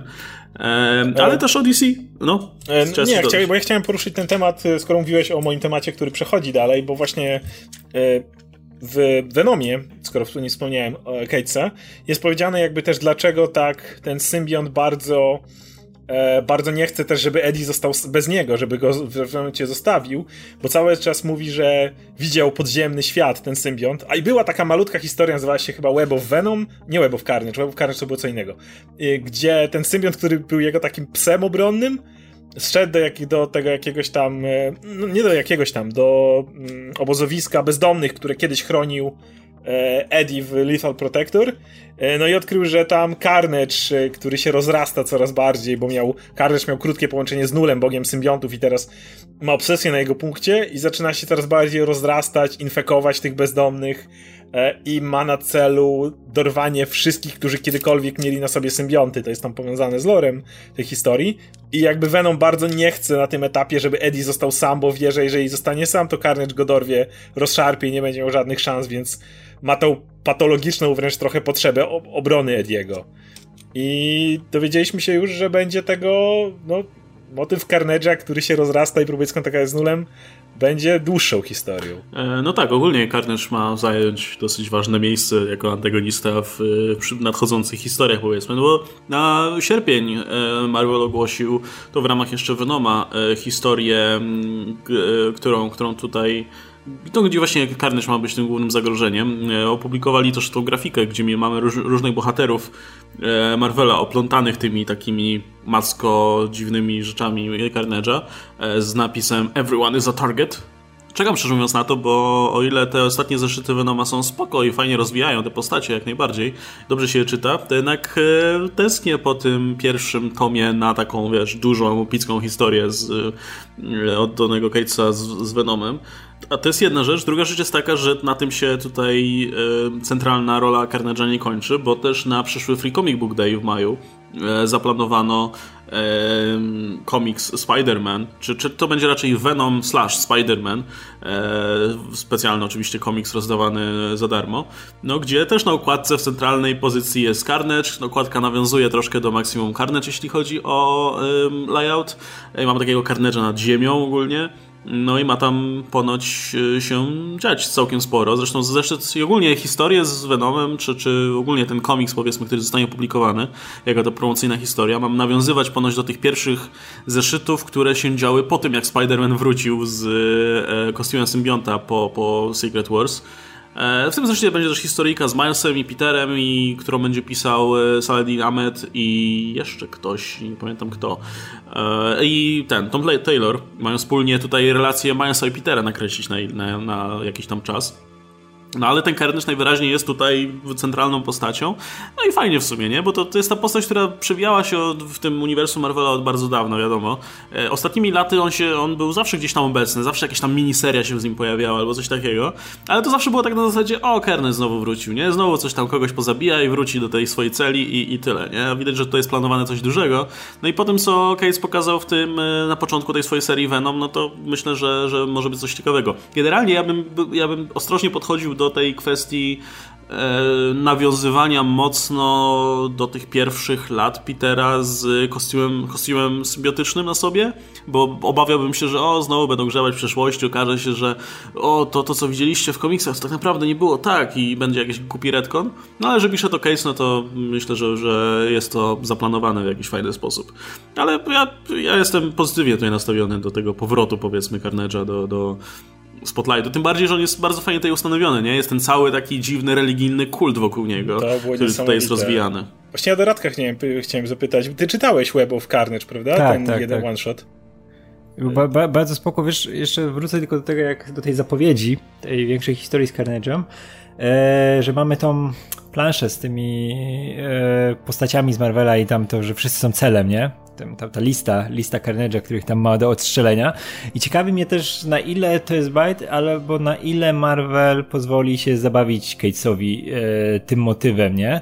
Bo bym nie chciał jednak, żeby ta plansza się pojawiła tylko, że o patrz, Carnage tam, bo tam się pojawiają naprawdę ten heavy hitters, ten Marvelowi, nie? Te postacie z Każdy pierwszej miał ligi. kiedyś symbionta już na tym etapie Tak, tak, Marvelu. no to też, to też, ale wiesz, ale to się pojawiają jednak postacie istotne, nie? I czy to będzie, wiesz, że zejdzie się po kościach, że tam zginie jakiś piątoligowy bohater, który albo coś, coś, coś tam Carnage zrobi jakiegoś piątoligowemu bohaterowi, który tam kiedyś się zetknął z e, symbiontem, czy naprawdę e, Cates pojedzie po bandzie i uda mu się coś zrobić e, komuś naprawdę znaczącemu, bo wtedy to by, wiesz, e, w końcu podbiło tą e, jakość złoczyństwa Carnage'a, bo Carnage się strasznie rozmienił na drobne przez lata. On się właśnie tak pojawiał, e, o, bo Carnage się pojawił, to ktoś go tam spierze, o, Sentry go, wiesz, wyniósł na orbitę i rozerwał, o, wrócił z mechanicznymi nogami, to też mu ktoś tam wpieprzył i, i tak się Żartem pojawił. się stał w pewnym momencie. Tak, jak tak, z tak. Zaczęli parować, czy ten Axis, który mi się podobał, Axis Carnage, nie powiem, że nie. Mhm. Ale to była no zabawna historia, która już robiła z tej postaci takiego no żart. Tak, dokładnie, a jednak Carnage'a pewnie można naprawdę dobrze napisać, bo na samym poziomie konspektu to jest postać, z którą można naprawdę dużo jakości wyciągnąć. I czekam w końcu na moment, kiedy ktoś naprawdę zrobi tego psychola, który jest na papierze, jest naprawdę z, z wyrolem totalnym i wyciągnie właśnie z niego ten interesujący aspekt tego, tego, tego, tego jego popieprzeństwa totalnego. A i Donny Cates jest tym gościem, który może to zrobić. Zresztą widzimy, co zrobił z Edim i jak rozwinął jego relacje z, czy to z symbiontem, czy cały jego świat przedstawiony rozwinął i jego życie, jego przeszłość, cały ten wątek z tymi symbiontami w Wietnamie. Są fantastyczne rzeczy i kurczę, to jest scenarzysta, który może rozwinąć tego Carnage'a i dlatego naprawdę się zastanawiam, czy ta lista to jest tylko właśnie taki bait, że o, wszyscy kiedyś mieli symbionta i o, czytajcie to, bo, bo będą się dziać rzeczy, czy naprawdę będzie mógł się pobawić tym wątkiem i coś komuś zrobić w tym względzie, bo jakby Carnage coś takiego zrobił, wiesz, wyraźniejszego, to by wtedy był ustanowiony, no, ten gość znowu jest istotny. Wiesz, wydaje mi się, że patrzę na to, jak Marvel ostatnio podchodzi do swoich dużych eventów, nie licząc War of the Realms, które Mhm. będzie klasycznym eventem, bo tam faktycznie na czas War of the Realms wrócimy do tego systemu, w którym normalne serie mają przerwy na tainy nawet. Wielokrotnie krytykowaliśmy ten system, no ale tak jak mówię, to jest, będzie pierwszy raz od Secret Empire. Natomiast ich normalne podejście do różnego rodzaju eventów polega na tym, że dopisujemy nowe serie. I to War of the Realms też będzie miało całą masę nowych serii. Nie wszystkie serie będą przerwane. Wydaje mi się, że też będzie to trochę lepiej e, dostrojone na to, która seria jest takim, na takim etapie, że nie można jej przerywać. Na przykład Spider-Man będzie miał teraz ten wątek z Cravenem, który nie zostanie przerwany. War of the Realmsa, w których seriach na przykład Squirrel Girl można się pobawić i, i wrzucić jakieś tam walki z lodowymi gigantami, czymś takim. Ale wydaje mi się, że właśnie ponieważ są pisane nowe serie, spokojnie, jeżeli Carnage miałby być, mieć swój własny kolejny event w stylu, no, właściwie ostatni event Carnage to był Maximum Carnage w latach 90., bo niby było Carnage USA czy coś takiego, ale to były te małe, skondensowane historyki, Tak. tylko zamknięte w tej krótkiej historii, bez żadnych tam rozmuchanych rzeczy, więc od Maximum Carnage to był jego jedyny event w historii. Ale gdyby dostał znowu, to myślę, że spokojnie mógłbyś mu napisać całą masę one-shotowych tainów, gdzie widzisz, jak Carnage faktycznie poluje na niektóre z tych postaci. I możesz spokojnie zrobić one-shotowy tain, gdzie on na przykład na, kap, na kapa się zasadza, czy na, no, na kogoś takiego, bo spokojnie mógłbyś to napisać. Czy to, umówmy się, okładka kapitana ścierającego się z Carnage'em, no to dolary. Więc, yy, więc spokojnie mógłbyś, mógłbyś w tą stronę pójść. Ja jestem ogólnie wielkim fanem tego, jak Carnage został ostatnio przerobiony. Była tam ta seria kompletnie popierdolona e, Carnage, po prostu Carnage, e, gdzie, mówię, skończyło się walką e, walką, jak się nazywa ten, który napisał Darkhold gościa? Ktona. nazywa? Ktan, Kt- Ktun, tak, Kt- Ktun, który ścierał się z aniołem światła, którym stał się Toxin. W każdym razie, e, no tam już zaczęto wchodzić w ten bardziej mistyczny e, aspekt Carnage'a i znowu jest najlepsze to, że e, Cates czytał, bo ewidentnie natychmiast masz tej jego historii Web of Carnage, no bo on już jest teraz odporny na dźwięki, tak, co, coś tam, bo, bo, bo tam to ustanowiono, wiesz, że Kate czytał. Mm, I jakby, ale tam zaczyna się bawić tym, tym, że Carnage jest bardziej, ma to magiczne podłoże, to pradawne. Teraz, kiedy na przykład był ten komik, w którym pokazywano, mój ulubiony ten moment to jest początek, kiedy widzisz, jak Carnage ciągle umierał. Ten moment, że jak, mm -hmm. jak Cletus Cassidy to jest ten koleś, który po prostu non-stop zdychał gdzieś. O, tu go Sentry rozerwał, tu gdzieś tam w kosmosie znowu wyleciał i spadł w ogóle z orbity. Tutaj coś tam, no, to jest gość, który non-stop gdzieś tam był, umierał i zawsze jakoś udawało mu się wracać do życia w jakiś powalony sposób. I właśnie powiązanie tego z tym, że on chce zobaczył twarz swojego Boga. Ten, ten, ta chodząca siła anarchii nagle zobaczyła jakiegoś Boga, który, którego idea mu się podoba który wreszcie łączy się z jego tym aspektem. To, że on staje się właśnie tym takim przywódcą kultu religijnego bardziej niż tym po prostu potworem, który biega z bandą popaprańców i morduje ludzi, bo tak. E, to może być pójść bardzo dużo mroczniej, dużo głębiej. E, też ten motyw, w którym Eddie i jego Venom są tą siłą leczącą, jak na przykład masz ten motyw, w którym te robaki Carnage'a gdzieś tam się zagnieździły w tych ludziach i kontrolują ich, że to oni wyglądają jak takie mm. chodzące zwłoki trochę. I kiedy ten pies, który, którym jest teraz symbiont, na przykład oczyszcza ich z tego, to idzie dużo głębiej, wydaje mi się. I i właśnie powrót do nula, który wiemy, że ciągle czai się gdzieś tam, ciągle jest w tej klatce umieszczony, Y, łączenie z tymi wszystkimi nowymi aspektami, to kim jest Venom. I na przykład ja bardzo chciał zobaczyć Venoma, który prosi o pomoc Spidermana, a ma pewien czek do zrealizowania, bo niedawno obronił Mary Jane przed atakiem Red Goblina. A znowu wiemy, że dzisiaj się o takich rzeczach nie zapomina i jest to prowadzone chociażby w Superior Spider-Manie, gdzie Peter ręczy za Octaviusa, bo mu ciocię May uratował niedawno, więc no sorry, ale nie da się inaczej. I jakby chciałem zobaczyć Ediego w obecnej formie, który, faceta, który sporo przed, który zgłasza się do niektórych bohaterów i ej, wisicie mi coś trochę, musicie mi pomóc. To, to, to wydaje mi się, że może być pisana przez Kate absolutnie rewelacyjna historia, więc ja się nie mogę doczekać i jest to tyle ciekawe, że jeszcze parę lat temu, przed tą serią w sumie Carnage, która już była dosyć ciekawa, nie miałem wielkiego zdania o Carnage'u. To był dla mnie ten potwór, ten taki na jeden, na jedną historię, a potem odgrzewany, aż, aż mówię, aż doprowadzony do punktu żartu, bo nikt nie miał pomysłu, co z nim zrobić poza poza śmianiem się już z niego, więc super. Nie, wydaje mi się, że po dopisanie mu jakiejś filozofii, dopisanie właśnie tego re, re, religijnego kultu, właśnie jakiejś całej mitologii stojącej za Carnage'em, tak jak Venomowi Cates dopisał całą mitologię, czy ogólnie symbiontom, no to jest coś, co sprawi, że ta postać trochę odżyje, bo e, fajnie, Carnage jest siłą natury i tylko chaos, tylko zniszczenie i tak dalej, ale no ile możesz historii pisać na bazie tego, nie? W którymś momencie, w którymś momencie czytelnik się orientuje, że okej, okay, no on był tą siłą zniszczenia i ogólnie chaosu, ale został powstrzymany już 50 razy, więc jakie, jakim on jest zagrożeniem w tym momencie? No żadnym, nie? W tym momencie dochodzi ten cały element e, pod, podbudowy tego właśnie, tej, tej całej religii wokół niego budowanej, tego, że on zobaczył tego boga symbiontów i stwierdził, że on jest jak, jakąś jego manifestacją i tak dalej. To jest coś, co, co może sprawić, że ta postać nagle stanie się groźniejsza i ciekawsza. I albo ciekawsza przez to, że jest groźniejsza, albo odwrotnie, e, bo to w dwie strony może działać. Okej, okay, to jeśli, jeśli, jeśli motyw Carnage'a jest zakończony, to okej, okay, to jeszcze myślę, że płynie tutaj przeszliśmy do e, tych newsowych tematów. E, I no jak jesteśmy przy Spider-Manie, bo wspomniałem też o tym, że właśnie na ten New York, e, New York na New Comic Book Day, czy Free Comic Book Day, przepraszam, wyjdzie właśnie ten komik Spider-Man Venom. No to pomówmy o pewnym dosyć interesującym newsie odnośnie Spidermana, który się pojawił jakiś czas temu, bo nie, ja nie mogę odpuścić, to jest zbyt dziwna rzecz, żeby, żeby o tym nie powiedzieć. E, mianowicie jakiś czas temu, przeglądając Twittera, na, na, natknąłem się na e, parę dziwnych kadrów z, i parę dziwnych okładek e, z coś tam, coś tam Ombre Arania, nie? z meksykańskiego Spidermana.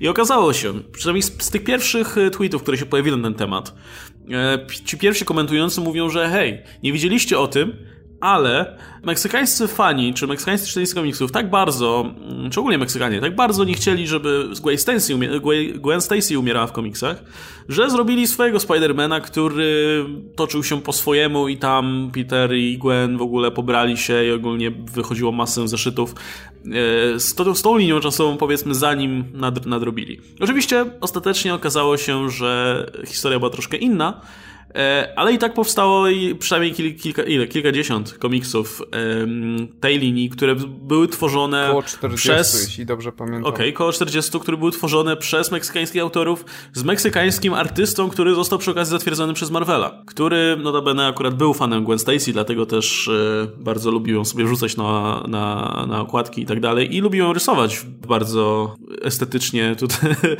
bardzo estetycznie satysfakcjonujący sposób. Może w ten sposób to, ujmę. Bardzo meksykańskim stylu. Powiedzmy, że, że nadał jej bardzo tutaj meksykańską figurę. I, I Gwen Stacy była centralną postacią okładek. Jeśli zerkniecie sobie na te okładki, to będziecie wiedzieć czemu.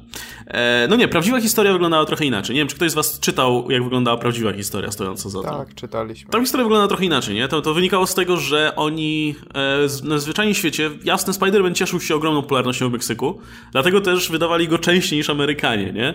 E, w związku z tym bardzo szybko się okazało, że zaczęli się zbliżać do tego, do tego momentu, kiedy nie mieliby nowego kontentu, więc pierwotnie po prostu wrzucali tam inne komiksy. Na przykład Antpena, no bo pająki, mrówki, wszystko jedno, nie? Albo też inne postacie. E, no a potem wrócili z powrotem do cyklu miesięcznego. E, no a potem przyszedł ten moment, w którym e, stwierdzili, że hej, no to może róbmy nasze historie i udali się do Marvela.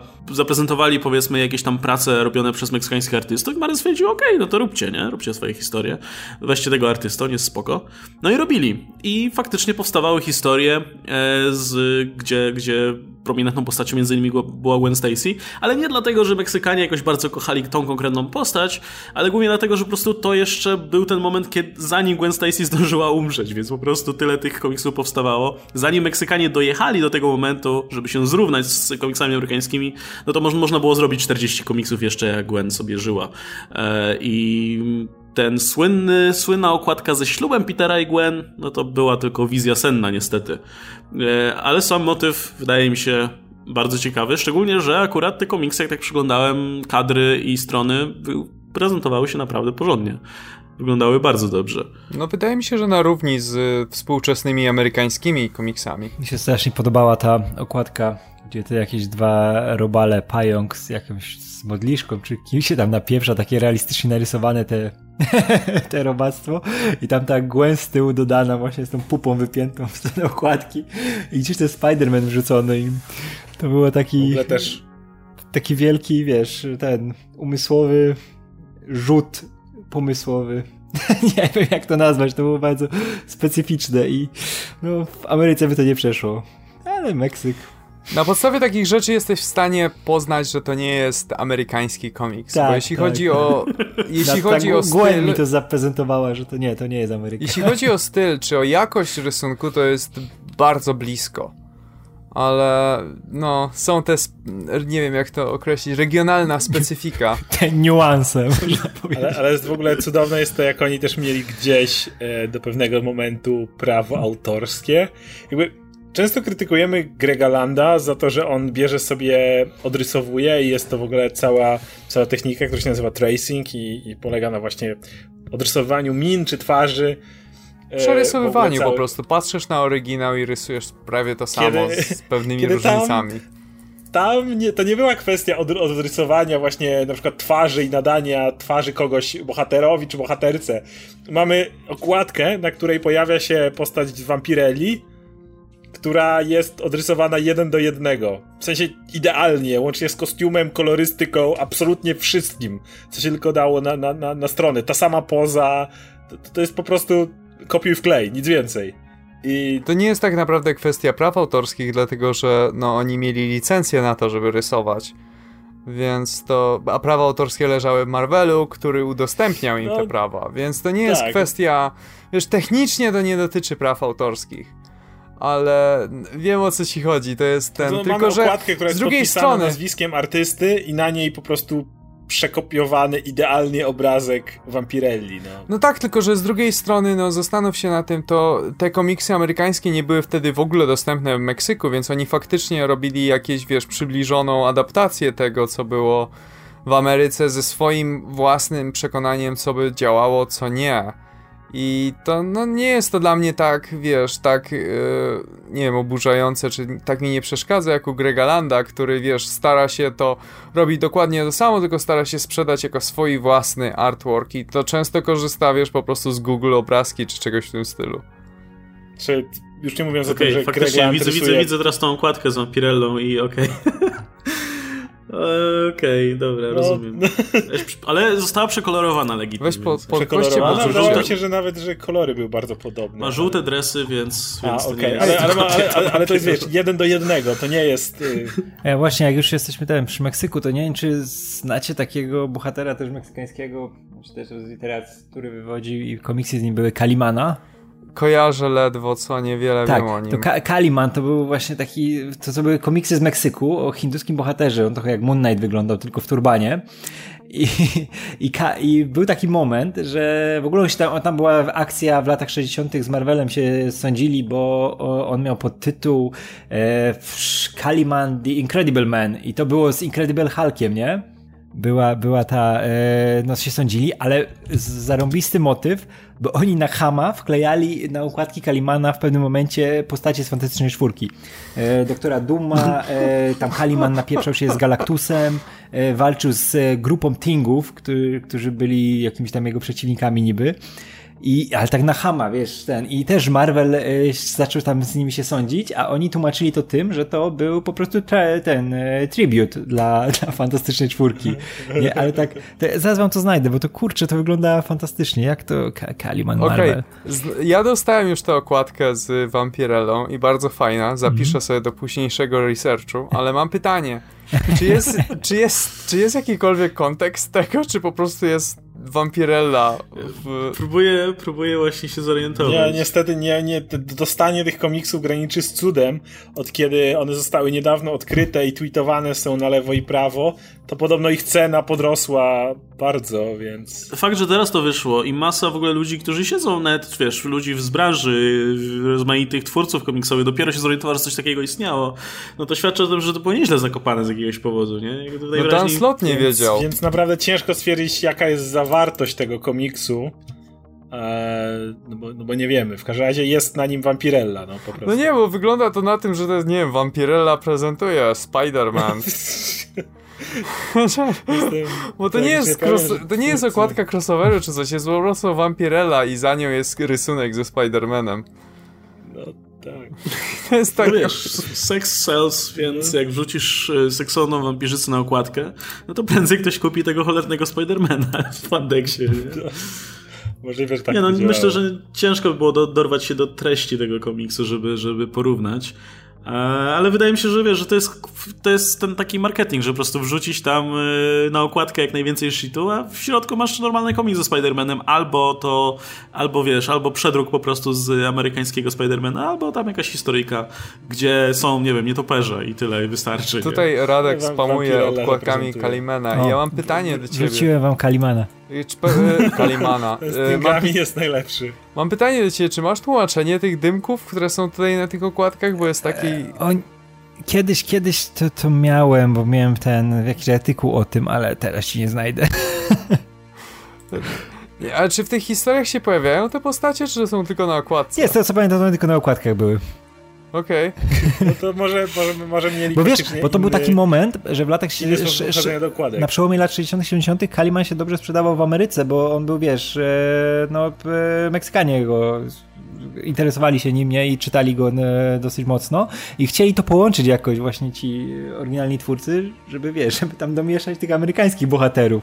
I oni właśnie się tłumaczyli, że to jest tylko traj, ten tribute dla, dla tej fantastycznej czwórki i, i tak to na Hama wrzucali. No to, a ta ostatnia mnie... okładka, gdzie walczy z trzema thingami, to jest interesujące. Tak, które, to, Bo totalnie ma, mógłbym sobie wyobrazić potwora, który po prostu wygląda jak The Thing tak, no tak, tak. identycznie tak. jak The Thing. I ale, jeszcze, jeszcze... ale Galactusa ciężko z czymś pomylić. Ale to nie jest The Thing, prawda? Więc bo doktora Duma, doktora Duma też nie pomylisz z nikim.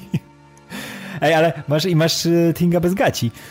Więc w końcu jak ktoś, kogoś interesowało, co tam ma Ben Grimm, to ja nie już, ma nic. Ja już widziałem w tym filmie Tranka, nie? A, no w sumie tak. To też nic nie miał. Tutaj też nic nie ma.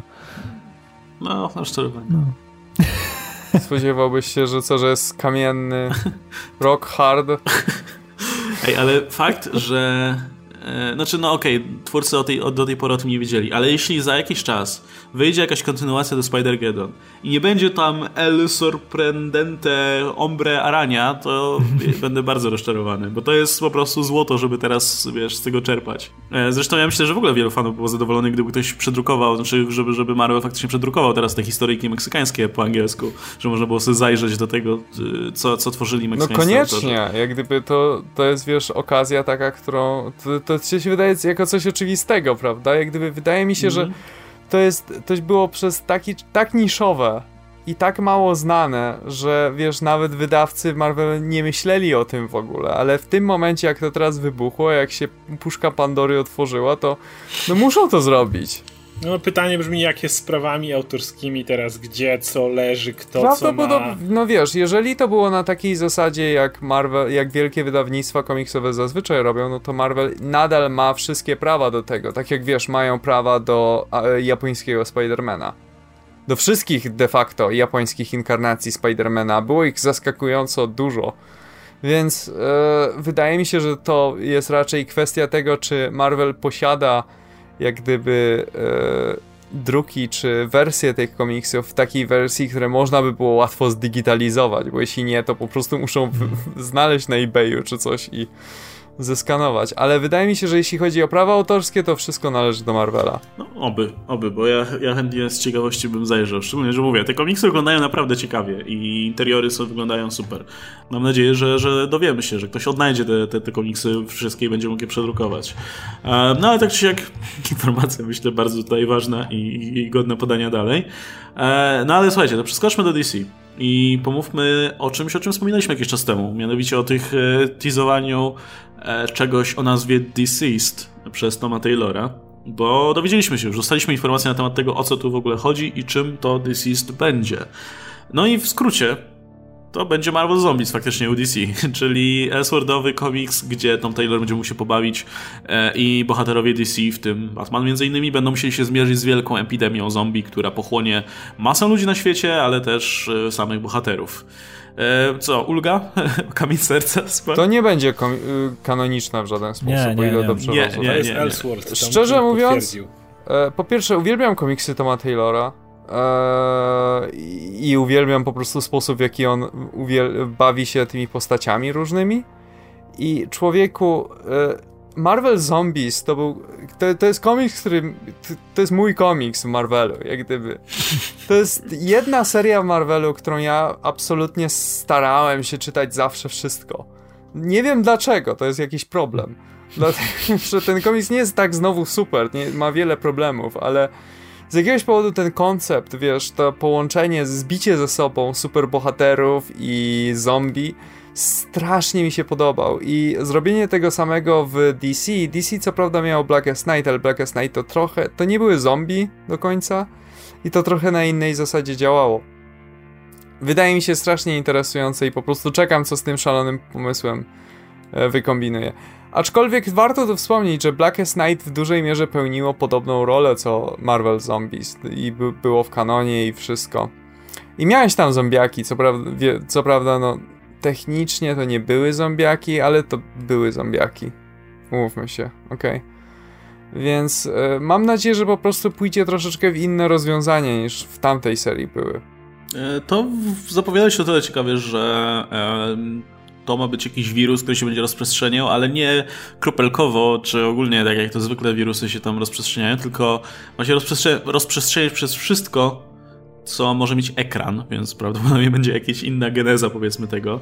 No ale wiadomo, to jest tylko pretekst do tego, żeby się pobawić e, tematem zombie. No i myślę, że tutaj tematem będzie ogólnie to, jak bohaterowie radzą sobie z epidemią na tak szeroką skalę, no bo jasne, no Blackest Night było trochę historią w tym stylu, ale tutaj myślę, że bardziej się skupią na tym, że zwykli ludzie będą przede wszystkim jednak e, ofiarami tej całej epidemii.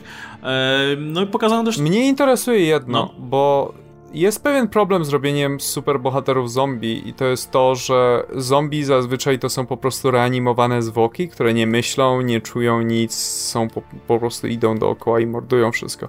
I w Marvel Zombies ro rozwiązano to w ten sposób, że nie były głupie te zombiaki, miały okresy tego napadów głodu, kiedy atakowały wszystko i jadły co się dało, ale mieli też okresy, kiedy im inteligencja wracała, wracały im wspomnienia i jak gdyby musieli sobie z tą nową rzeczywistością radzić, wiedząc, że są zombie. Z kolei w Blackest Night rozwiązano to w ten sposób, że te reanimowane zwłoki korzystały ze wspomnień e, swoich, jak gdyby, no, tych istot, które zmarły, ale same nie były tą, to nie była ta sama postać, ona po prostu korzystała z tych wspomnień, żeby wywoływać emocje i tak dalej. I ciekaw jestem, jak ten problem rozwiąże, bo jeden z teasowanych obrazków to jest e, zombifikowany Batman. Jeżeli pomyślisz o tradycyjnym zombie, który jest kompletnie pozbawiony inteligencji, no to zabierasz największą broń Batmana, jego inteligencję. I w jaki sposób jest zagrożeniem dla Supermana, Flasha czy kogokolwiek po prostu zombifikowany Bruce Wayne, który no nie ma żadnej, nic ze swojej inteligencji, dedukcji, planowania, umiejętności planowania, korzystania z, wiesz, z przypadkowych zasobów i tak dalej. A może to się okaże, to wydaje... a może się okaże, że to Batmana ogranicza, że Batman pozbawiony inteligencji jest jeszcze lepszy, a?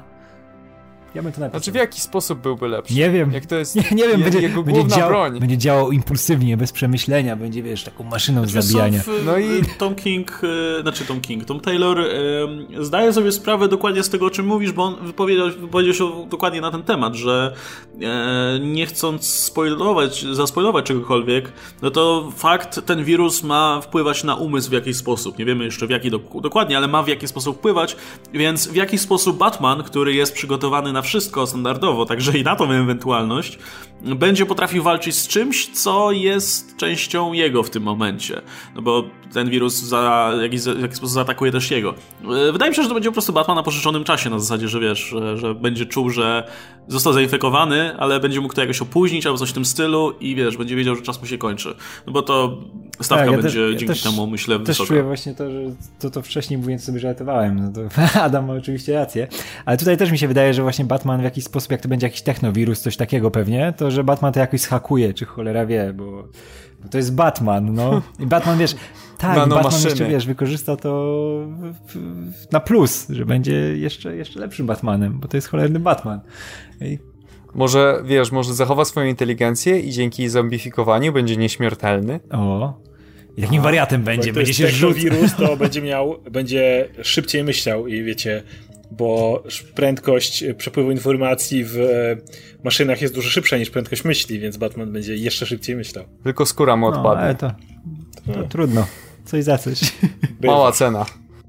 No nie, to, to mi się podoba mi cały, cały ten koncept. Szczególnie, że no, to się dzieje właśnie na osobnej ziemi, więc y, jakby będą mogli zabijać bohaterów bez martwienia się o to, czy to wpłynie jakoś na świat, czy nie, nie? To ma wpłynąć na tę historię. Tak, to było jak... Taylor to powiedział aczkolwiek... wprost, nie? Że możemy dokonać większych zniszczeń, bo to Elseworld. tak, to jest jak, Ale wiesz, właśnie... jak w Injustice, że najlepszy Tom Taylor to jest ten, który może robić wszystko w swoim świecie, nie? Nie musi się tam przejmować, że z czegoś nie może, kogoś nie może tam ukatrupić, tylko robi co chce, nie? I to jest fajne. No nie w Injustice nie mógł katrupić tych, grze, tak, to było jedno ograniczenie, ale wiesz, jeśli ktoś, ktoś akurat nie pojawiał, to mógł robić co chciał. Panteon gry nie jest aż tak duży mhm. roster, mm -hmm. w sensie jest duży jak na grę, ale nie duży jak na DC, więc... No nie, jestem jeszcze ciekaw tylko jednej rzeczy, czy mm, to uniwersum, w którym rozegra się ta cała apokalipsa, to będzie uniwersum wzorowane bezpośrednio na tym mainstreamowym, komiksowym obecnie?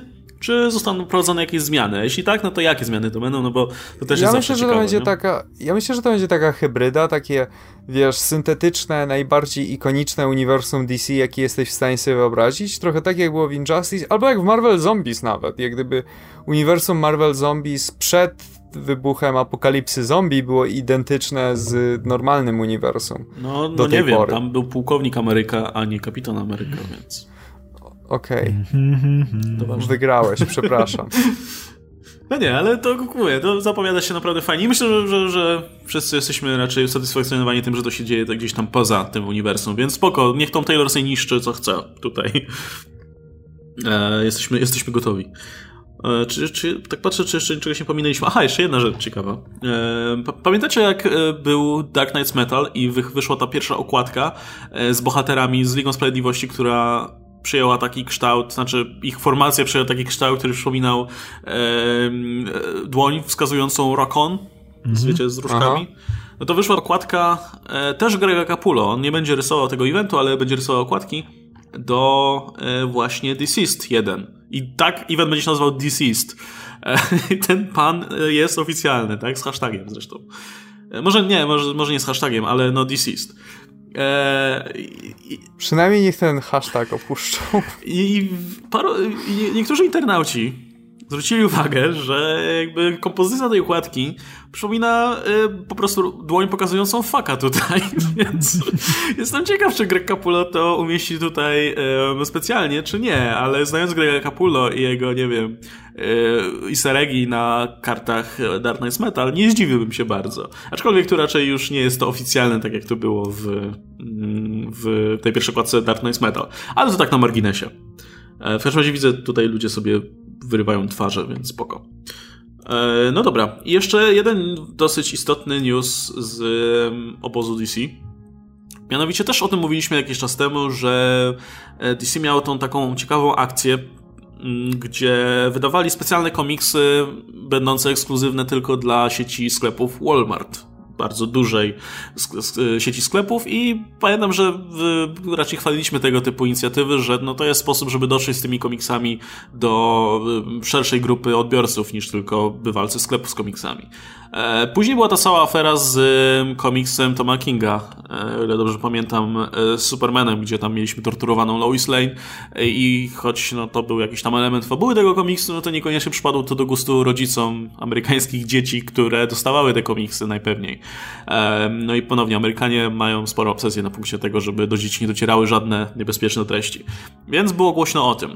No i raczej nie w odpowiedzi na to, ale powiedzmy tutaj w ramach naszego podcastu, jako kontynuacja tego tematu, no to DC e, planuje, znaczy planuje, już zapowiedziało, że w ogóle wycofa tą serię, która szła do Walmartu, Walmartów i nie będą produkować nic, co, czy nie będą wydawać nic, co będzie oficjalnie tylko dla Walmartu, ale w to miejsce będą dalej wydawać komiksy będące właśnie takim zbiorem, czy raczej będą takim amalgamatem z jednej strony jakiejś oryginalnej historii komiksowej e, i z drugiej strony klasycznych historii z jakimiś bohaterami. To wszystko spięte w jeden duży tom. E, no i to ma być wydawane w ogóle na całe, powiedzmy, w całym USA, nie tylko w ramach jednej sieci sklepów. E, no i biorąc pod uwagę, że DC wydaje to, że DC teraz dopiero zaczyna tak naprawdę wydawać komiksy z tych swoich imprintów, o których też mówiliśmy już wielokrotnie. DC Ink, DC Black, DC Zoom i tak dalej, i tak dalej no to nagle okazuje się, że to DC będzie wydawało znacznie więcej komiksów, więc trzeba będzie też trochę tych komiksów obciąć. E, I e, wielu fanów się zaczęło martwić, że hej, czy to oznacza, że będą jakieś ostro ciąć te serie?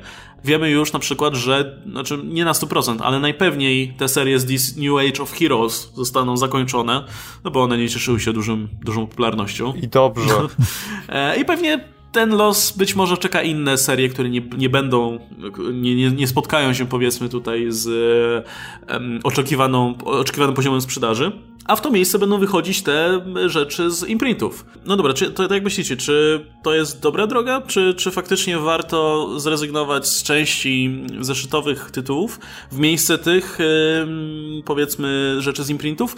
Plus yy, okazuje się, że anulowanie tego wydawnictwa Walmartowego to wbrew pozorom wcale nie jest objaw porażki, wręcz przeciwnie, to jest objaw sukcesu. DC stwierdziło, że hej, no to się sprzedaje nieźle, to był dobry pomysł, no to wydawajmy to teraz na cały kraj i wrzucajmy to wszędzie, bo jak najwyraźniej jest popyt na, książ na książki. No w zasadzie na takie większe, stustronicowe e, komiksy, które będą e, no, zbierać różne przygody naszych bohaterów.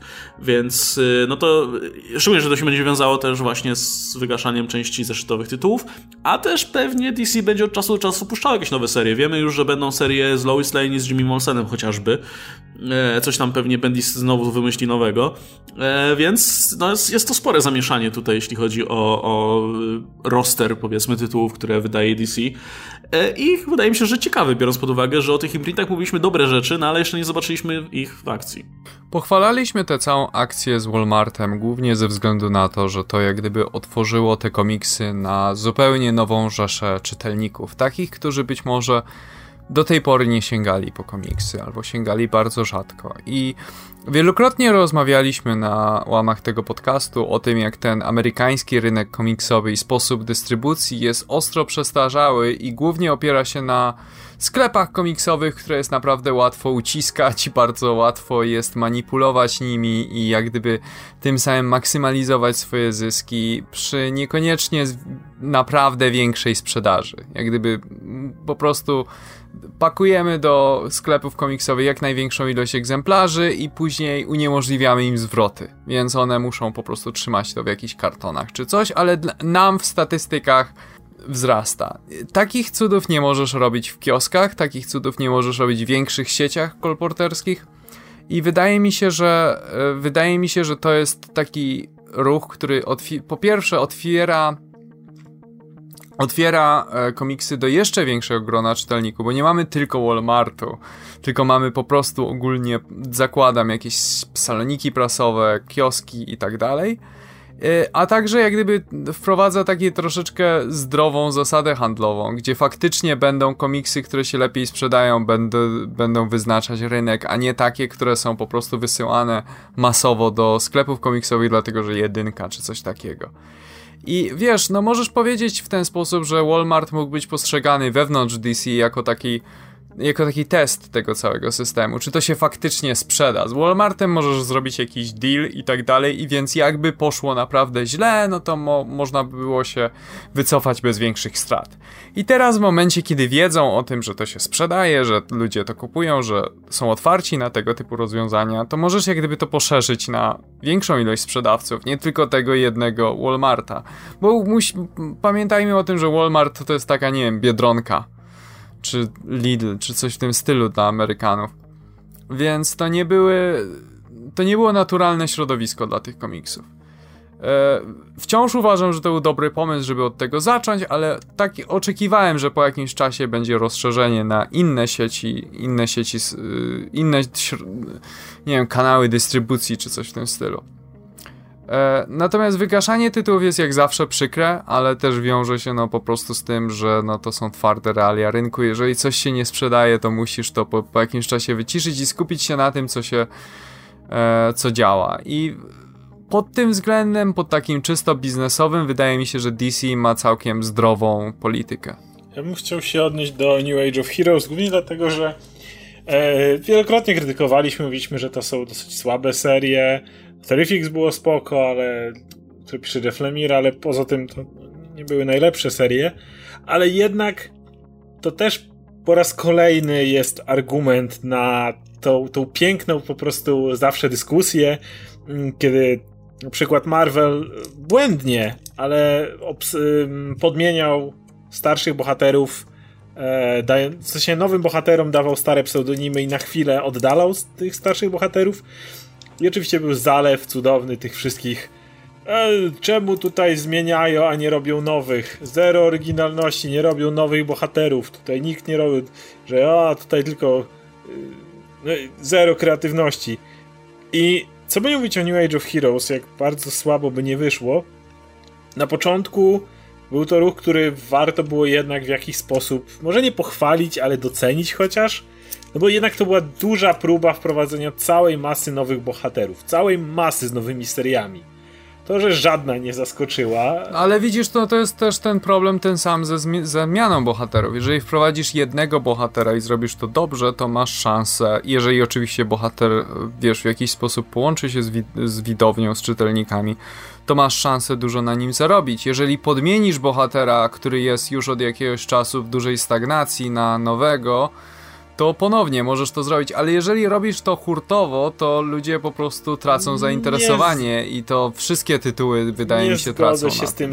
ja, to działa w przypadku podmiany bohaterów, dlatego że wtedy no, stary czytelnik trochę traci grunt pod nogami i nie rozpoznaje swojego starego świata i nie ma jakby punktu, do którego może się odnieść. Punktu odniesienia. Natomiast w przypadku nowych y, zeszytów, jakby co mnie to obchodzi, jeżeli czytam, jeżeli próbuję Sidewaysa, że wyszedł jeszcze Silencer i Brimstone, czy coś tam, czy Damage, jakby to mnie kompletnie nie obchodzi. Biorę ten, ten zeszyt i tyle. Nieważne, czy tych komiksów jest 5, 10 czy 20. Ważne, że jest ważne, dlatego że wiesz, dlatego że no musimy pamiętać o tym, że ludzie i ja też i wy też mają ograniczone środki do wydania na ten cały shit w miesiącu, więc jeżeli się zdecydują na jakiegoś bohatera, to się zdecydują na jednego. I jeżeli będziesz, zaoferujesz im zbyt dużo za jednym razem, mogą po prostu w ogóle nie sięgnąć po żaden nowy tytuł. Ale myślę, że mogłoby zadziałać wtedy bardziej coś takiego jak przechodzenie z jednej serii do drugiej, na przykład sprawdzenie kilku i zostanie przy jednej czy drugiej. Gdyby coś z tego było sukcesem, to byłaby część wygaszana, a wydaje mi się, że to po prostu po raz kolejny w dużej mierze. No nie, ja się zgadzam, że ja się z tą zgadzam, że powinno to ro... powinni to robić fazami. No tak, ale wygląda. Że nie od razu. Niewykluczone, że po prostu coś, tylko... sprzedanie nowego bohatera, to o czym często mówimy, jest koszmarnie trudne. Zrobienie nowego bohatera, który jakoś by wskoczył.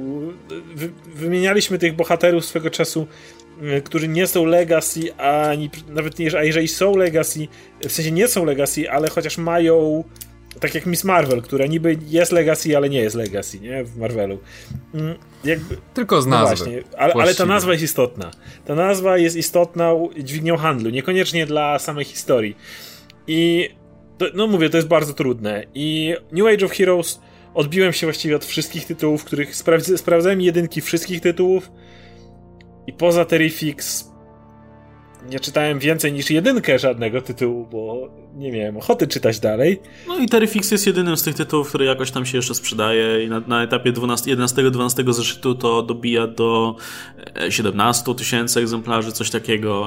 No troszkę tak niżej pod, jest jeszcze troszkę niżej jest jeszcze no. Sideways, ma jakieś 12-11 tysięcy, a cała reszta nawet nie przekracza 10 tysięcy. To są, wiesz, znaczy... niższe poziomy Young Animal w tym momencie. Nie? Ja mam na, ja odnoszę wrażenie, że wydawcy i to zarówno odnosi się do DC, jak i Marvela, mają trochę nierealistyczne oczekiwania względem nowych superbohaterów. Odnoszą wrażenie, że jak wiesz, jak ostatecznie zrobią jeżeli zrobią wystarczająco duży marketing, jeżeli nawtykają reklam gdzie się da i crossoverów wszędzie, to wiesz, ta postać będzie hitem. Mozaik. A to niekoniecznie, bo kogo obchodzi Mozaik, prawda? No Mozaik to miał w e, ogóle I całą jest... kampanię wokół siebie, był na tych przecież tak. wszystkich um, grafikach promocyjnych kolejny rozdział Marvela. Mozaika to po prostu ci tak reklamowali jak tylko się dało, ale... I wiesz co, ja w ogóle uważam, że to jest troszeczkę błąd wydawnictw, że nie utrzymują tych właśnie gorzej sprzedających się tytułów. Takich, wiesz, właśnie oscylujących w okolicach 20 tysięcy czy coś takiego egzemplarzy na Diamond przynajmniej. 10 to jest no, śmierć. Poniżej, tak, tak od 10 do 20 powiedzmy, bo to są serie, które moim zdaniem mają, mają jeszcze szansę nabrać rozpędu, ale wiesz, nie nigdy, nie, nigdy nie nabierają, dlatego że je anulują zanim, zanim właściwie postać staje się znana. Dlatego, że pamiętasz jak było z, z Thorem? E, Jasona Arona, tej, tymi pierwszymi komiksami, jak one się w zeszytach sprzedawały względnie słabo, ale pocztą pantoflową wszyscy jak gdyby, którzy czytali te komiksy mówili, że słuchaj, to jest arcydzieło, musisz to przeczytać, to jest fantastyczne i nadrobiło świetnie w trade'ach. Wydaje mi się, że nowi superbohaterowie po prostu muszą mieć taki okres, w którym wiesz o tym, że to się będzie słabo sprzedawać. Jak gdyby to, to nie jest w tym momencie, e, to jest inwestycja po prostu wierzysz w to, że ten superbohater w pewnym momencie połączy z y, publicznością, że ludzie będą chcieli o tym, o nim czytać, ale musisz, nie możesz oczekiwać tego sukcesu od razu. Tylko pytanie, I wydaje mi się, że jak gdyby w wydawnictwach Słucham pytanie, cię? Ile dajesz czasu? Bo jednak DC dało całkiem całkiem sporo tym New Age of Heroes. Po ile to wyszło? Zresztą w kilkanaście, Ale New Age prawda? of Heroes to było wszystko gówno. No, więc było. akurat tutaj się nie dziwię, że usuwają ten. Natomiast wiesz, no jak zobaczysz na Young Animal, to z kolei to było wszystko rewelacja. Nie wiem, no. Zależy, jak gdyby musisz zwrócić uwagę nie tylko na po prostu same słupki sprzedaży, ale na to, jak ci czytelnicy, którzy, którzy czytają to, czy oni powracają do tych zeszytów, jaka jest, jakie są recenzje i tym podobne rzeczy, a nie po prostu, wiesz, ile tysięcy się sprzedało. Szczególnie, że ta liczba na Diamond jest, wiesz, mocno dyskusyjna. Wszystko Jak w ogóle wszystkie wyniki zmierzyć. sprzedaży komiksów. Wielokrotnie mówiliśmy o tym, że właśnie przez to, że jedynym wyznacznikiem jest ten cholerny Diamond, tak naprawdę wydawcy jakiemukolwiek ciężko stwierdzić jakiekolwiek przyjęcie komiksu poza tym Diamond. W sensie, co to znaczy, że ma dobre recenzje, ale czyje recenzje? Nie masz Rotten Tomatoes dla, e, dla komiksów. To, to, Nie, no jest, jest kilka. ale ale, ale chodzi mi o rangę. Nie chodzi mi o to, że nie istnieją takie portale. Chodzi mi o to, że nie masz niczego tak dużego, tak jednego konkretnego. Masz, masz różnych recenzentów, masz różne właśnie agregatory, ale no to nie jest nic takiego, co, nie wiem, wystarczająco miarodajnego. A to, to jest, wiesz, specyfika też mniejszego rynku. No, to bo mi też chodzi. e, wydawnictwa takie duże jak Marvel czy DC też nie mają narzędzi na przykład, żeby sprawdzić demografię ludzi, którzy czytają konkretne komiksy. Bo wiesz, masz, masz te tytuły na przykład typu Squirrel Girl, którego raczej... Jak ktoś czyta Squirrel Girl, to raczej nie jest to osoba, która po swój drugi komiks sięgnie po Avengers, tylko raczej sięgnie po jakiś komiks, nie wiem, z Boom Studios albo Archie albo coś takiego. Są te klimaty. No i ta Squirrel Girl się sprzedaje ile? Pewnie z 15 tysięcy ma. No to czy warto trzymać ten tytuł, jeśli się sprzedaje znacznie mniej niż flagowe tytuły? Czy nie warto? A może jednak warto mieć e, u siebie w wydawnictwie jakąś grupę ludzi, którzy normalnie za komiksy Marvela nie sięgają? Wiesz, to są te takie niuanse, czy, war- czy gdzie e, przydałaby się odpowiednia statystyka, odpowie- odpowiednie dane, żeby wydawnictwo wiedziało, czy opłaca się niektóre tytuły trzymać, czy nie. No bo e, w tym momencie nie za bardzo wiadomo, nie? Są tylko te dane z Diamond Comics, które też są takie dosyć niejasne. Wydawnictwa same stosują przecież te sztuczki, żeby sprzedawać więcej komiksów, które niekoniecznie są potem czytane, o tym też wiemy. E, więc to wszystko jest takie trochę na oko, nie? Czy, czy ten komiks powinien wy- wychodzić, czy nie? Czy ten warto zamknąć, czy może jednak nie? Potem się okazuje, że jednak trady się dobrze sprzedają. Wiesz, Tom King mógł, e, nikt nie kupował Omega Man, e, potem nikt nie kupował Visiona, e, a, e, a okazuje się potem, że na przykład trady Visiona się sprzedają rewelacyjnie, nie? Z Mr. No, Miracle, nie wiem, się sprzedały zeszyty, ale tutaj też trady się sprzedają bardzo dobrze. I być może teraz ludzie na przykład wracają kupować trady Omega Man i, się, i wydawnictwo myśli, kurde, to może wydawajmy to znowu. E, I to jest, to jest bardzo takie, no, trudne do przewidzenia, dlatego też wydaje mi się, że ten ruch DC, żeby iść w kierunku e, tych imprintów, które są mniej tutaj ograniczane tymi rynkowymi ograniczeniami, z którymi wiąże się wydawanie tych komiksów co, miesię, e, co miesiąc albo co dwa tygodnie, czy w ogóle, wiesz, całych, całych tomów, to jest dużo jednak łatwiejsze też do ogarnięcia i, i planowania strategii niż, niż te zeszyty, nie? gdzie jednak łatwiej możesz określić, ile tego się faktycznie sprzedało, kiedy nie, nie bazujesz tylko na Diamond Comics, tylko możesz to wysłać do sklepów, do księgarni i tak dalej. Nie mówiąc o tym, że ponownie przypominam, że rynek komiksowy jest naprawdę mały.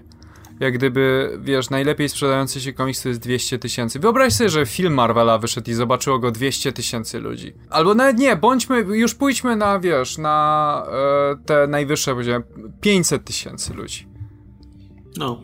Jakby to by było uważane za, wiesz, klapę tysiąclecia, czy coś takiego, więc no, nie, te same, że są zupełnie inne reguły, jak gdyby jeśli chodzi o rynek komiksowy, na przykład rynek filmowy i tak dalej. Więc ja wyda- wydaje mi się, że na tym poziomie totalnie wydawnictwa powinny utrzymywać kilka tytułów takich troszeczkę bardziej eksperymentalnych, takich troszeczkę bardziej jako inwestycja niż jako właściwie bezpośredni zysk. Dlatego, że no, jest też kwestia tego, że wielu czytelników, którzy kupują w sklepach komiksowych, którzy stanowią większość statystyk Dia- Diamond Comics, Diamond w ogóle, e, to są ludzie, którzy, którzy mają e, subskrypcje w tych sklepach. Na, takie, tak jak w Polsce były teczki, że przychodzisz do po prostu e, sprzedawcy i mówisz: OK, proszę zostawić dla mnie Batmana, e, Spidermana. X-Menów. e, Heroes in Crisis, bo to zapowiada się dobrze. W kilku wariantach, bo będzie pewnie wiele warte za parę W lat. kilku wariantach, bo to później, za kilka lat sprzedam na eBayu. No i The Curse of Brimstone, bo to jest mój ulubiony komiks. Hard Classic, nie? To już jest... Tak. I wiesz, i to nie są ludzie, którzy, to nie są ludzie, którzy zmienią te swoje comiesięczne subskrypcje, dlatego, że zobaczą, że o, pojawił się Mozaik, nowy, ekscytujący bohater Marvela. Albo będzie miał team-up w ich komiksie. nie? No ale to jest, wiesz, to jest takie, to walczysz też z przyzwyczajami, z przyzwyczajeniami ludzi i nie możesz oczekiwać od nich, że po prostu zmienią swoje, wiesz, swoje, wiesz, dotychczasowe zamówienia, czy dotychczasowe nawyki, wiesz, w przeciągu miesiąca czy dwóch, bo o, pojawił się, poja pojawiła się Silencer. To już tam jebać Batmana. Silencer zamawiam. To na pewno chwyci, nie? To jest... Ona, ona ma Tak. pistolet, a Batman się boi używać. Ona ma pistolet Ma. przy okazji? Bo nazywa się Silencer, to co może mieć? No. Na, na okładce ma nawet te... No. Jest Okej, sorry. I całą, sorry. całą mocą jest pistolet. Nie, po prostu chodzi mi o to, że e, wiesz, wprowadzanie nowego bohatera to wymaga pewnego rozpędu. Nie możesz oczekiwać, że od razu się sprzeda. A odnoszę wrażenie, że te wydawnictwa oczekują, że tak, jak wprowadzą jakąś postać, to ludzie już się będą jarać tym. Ej no, zobaczymy teraz w najbliższych miesiącach, jak się przyjmie Naomi na przykład, nie? To jest nowa postać. E, póki co te pierwsze, pierwszy zeszyt się sprzeda naprawdę dobrze, no ale wiadomo, pierwszy zeszyt, kampania, nazwisko Bendisa, to robi też swoje, nie? E, no ale zobaczymy, czy, czy to chwyci, czy to jest postać, która na przykład zostaje tutaj na dłużej. Tak jak, nie wiem, w ostatnich latach, czy ktoś został na dłużej? E, Blue Beetle może jakoś tam gdzieś jest. E, No, Blue Beetle jest Legacy Hero, więc... no jasne, w sensie jasne. o, mówisz to, o- to, Legacy Hero Race, trochę czy- łatwiej, ale tak... No i to było, i to było ile? D- 10 lat temu? Więcej, to było No przy nie, Infinity o, Crisis. ostatnia postać, którą pamiętam, e, która 13. jest nową postacią faktycznie, nie dostała miana po kimś, ale no wywodzi się od innego bohatera, no to był ten y, Signal, nie? Który też gdzieś tam zniknął zupełnie, gdzieś nie ma go. W, w Marvelu jest teraz Weapon Age, który będzie już brał udział też w... E, no, War of the Realms. Czy możesz z poważną twarzą powiedzieć, czy to jest Nie. oryginalna postać? To jest definicja, to jest definicja nieoryginalnej postaci. Marvel, Marvel zrobił No. oryginalną postać. Nazywa się Weapon Age. Hulka i Wolverine, ale nie, czekaj. Nie, ale tak, tak żebyś wziął kogoś, no to, no to z Marvelu to, to Mozaik, który nie wypalił, a tak to... Ale nie liczymy... Mozaik był autentycznie nową postacią. To był nowy, żaden legacy z takiego... Nie wiem, Mother Panic z DC być może tak się na wpół przyjęła. Trochę Batman. Trochę Nie, Batman, to, tylko że nie. Ktoś jest trochę kimś, to, to No. już jest, będzie normalny, natomiast... A, Natomiast no, ja też nie, nie, nie, nie, nie mogę sobie przypomnieć żadnej postaci, która... No bo mówimy, tak, Miss Marvel jest legacy z nazwy, ale jest ta nazwa, więc tak, zresztą ma własną nazwę, własną tożsamość i jeszcze miałby na przykład serię albo miniserię chociaż. Znaczy wiesz co, ja myślę, że dobra droga jest to, co DC swego czasu dużo robiła, robiło. To jest to po prostu, żeby wprowadzić najpierw postać jako postać drugoplanową w innej serii i później zrobić spin-off i ten spin-off będzie, wiesz, wystarczająco silny, żeby stać na własnych nogach. I wiesz, tak, e, tak e, e, Oracle, wiesz, stała się fenomenem, a razem z nią później Birds of Play, Prey. Masz Nightwinga, który oczywiście też w ten sposób powstał. I myślę, że to jest, to jest dobra droga, jak gdyby, jeśli, tak, jeśli masz patrzeć tak czysto biznesowo, to takie postacie faktycznie się utrzymują. Czy wiesz, Jason, który, Jason Todd, który miał ogromną drogę, żeby stać się niezależną postacią, tak na wpół No to, to przynajmniej. jak i Winter Soldier, nie? Też O, można wiem, powiedzieć, że... no. Wiem, postać, która do dzisiaj w Marvelu ma swoją serię. Można powiedzieć, że jest legacy, ale to już jest bardzo dalekie. Moon Girl do dzisiaj ma swoją własną serię. Ona nie sprzedaje się, ona się sprzedaje dzięki tam innym niż Diamond dystrybucjom, ale dalej ma swoje serie, dalej będzie miała nawet tajny z tego co widziałem w rozkładzie do War of the Realms. I tak był Moonboy i Devil Dinosaur stworzeni przez Jacka Kirby'ego, ale powiedzieć, że to jest legacy hero Moonboy, a no bo jecha, jedzie na popularności Moonboya, wiecie. Wiecie. Się na jego plecach, no. No pewnie, no. No więc no Moon Girl bym powiedział, że jest w miarę nową postacią, która... Ale tak kurde, ale nawet nie ma nazwy oryginalnej, no Moon Girl, no. No mówię, ale wybiła się na, ple na plecach Moonboya, także wiem, no, no nie liczy się. Może mam silne kreacji plecy. Jacka Kirby'ego, nie? Walić Avengers, Moonboy i Devil Dinosaur. Jest jeszcze jedna kwestia, o której troszeczkę nie wspominaliśmy i to jest taki troszeczkę słoń w pomieszczeniu tutaj. Wydawnictwa no nie chcą wprowadzać do końca nowych postaci, dlatego że no, nie mają już takiej kontroli nad nią jak miały kiedyś. E, jak gdyby kiedyś reguły rynku były takie, że jeżeli wydajesz cokolwiek u Marvela albo u DC, to wydawnictwo przejmuje wszystkie prawa, wszystkie tantiemy, wszystko troszeczkę trudno o wysokiej jakości superbohaterów dzisiaj, jeżeli, jeżeli masz opcję wydać po prostu tego samego superbohatera w Image albo gdziekolwiek, albo w Dark Horse, albo gdziekolwiek indziej i zachować wszystkie te prawa i tam Wiem, No, to wiem kto. Kto miał swoją serię No. i był oryginalny, nie był Legacy Hero, Hero i którego już kurwa nikt nie pamięta po, po paru latach. Alpha z, ze Spidermana. Pamiętacie A, Alfę? Kto? Alfa, ja, ja pamiętam. Alfa dostał, to, dostał swoją miniserię. Ja dostał nie swoją pamiętam miniserię. Alfy. Kto to był? No to było przy tym Big Time? Tak. I dostał miniserię później. I nie było Legacy. I był nowy. No potem faktycznie o nim zapomnieli. I wszyscy o nim zapomnieli. Jakbyś mi nie przypomniał, to ja bym o nim zapomniał, więc... Ale jest. Ale był. Jest. Trafiłem. Znaczy nie, nie widziałem go nigdzie od lat, ale... A to ten! Z Big Time. Jezu, zapomniałem o I nim miał swoją kompletnie. miniserię. To fajnie. No, ale, Dobrze. ale, ale, no mówię, Właściwie myślałem, że Ameryka Chavez wychodzi będzie, ale nie, dzisiaj, ona więc... jednak nie. Ona jest... Chociaż Ameryka Chavez, ona, ona nie jest Legacy przecież. Nie, jest No. nową postacią. No tak, i miała swoją No. serię przez Tak. jakiś czas, więc... No.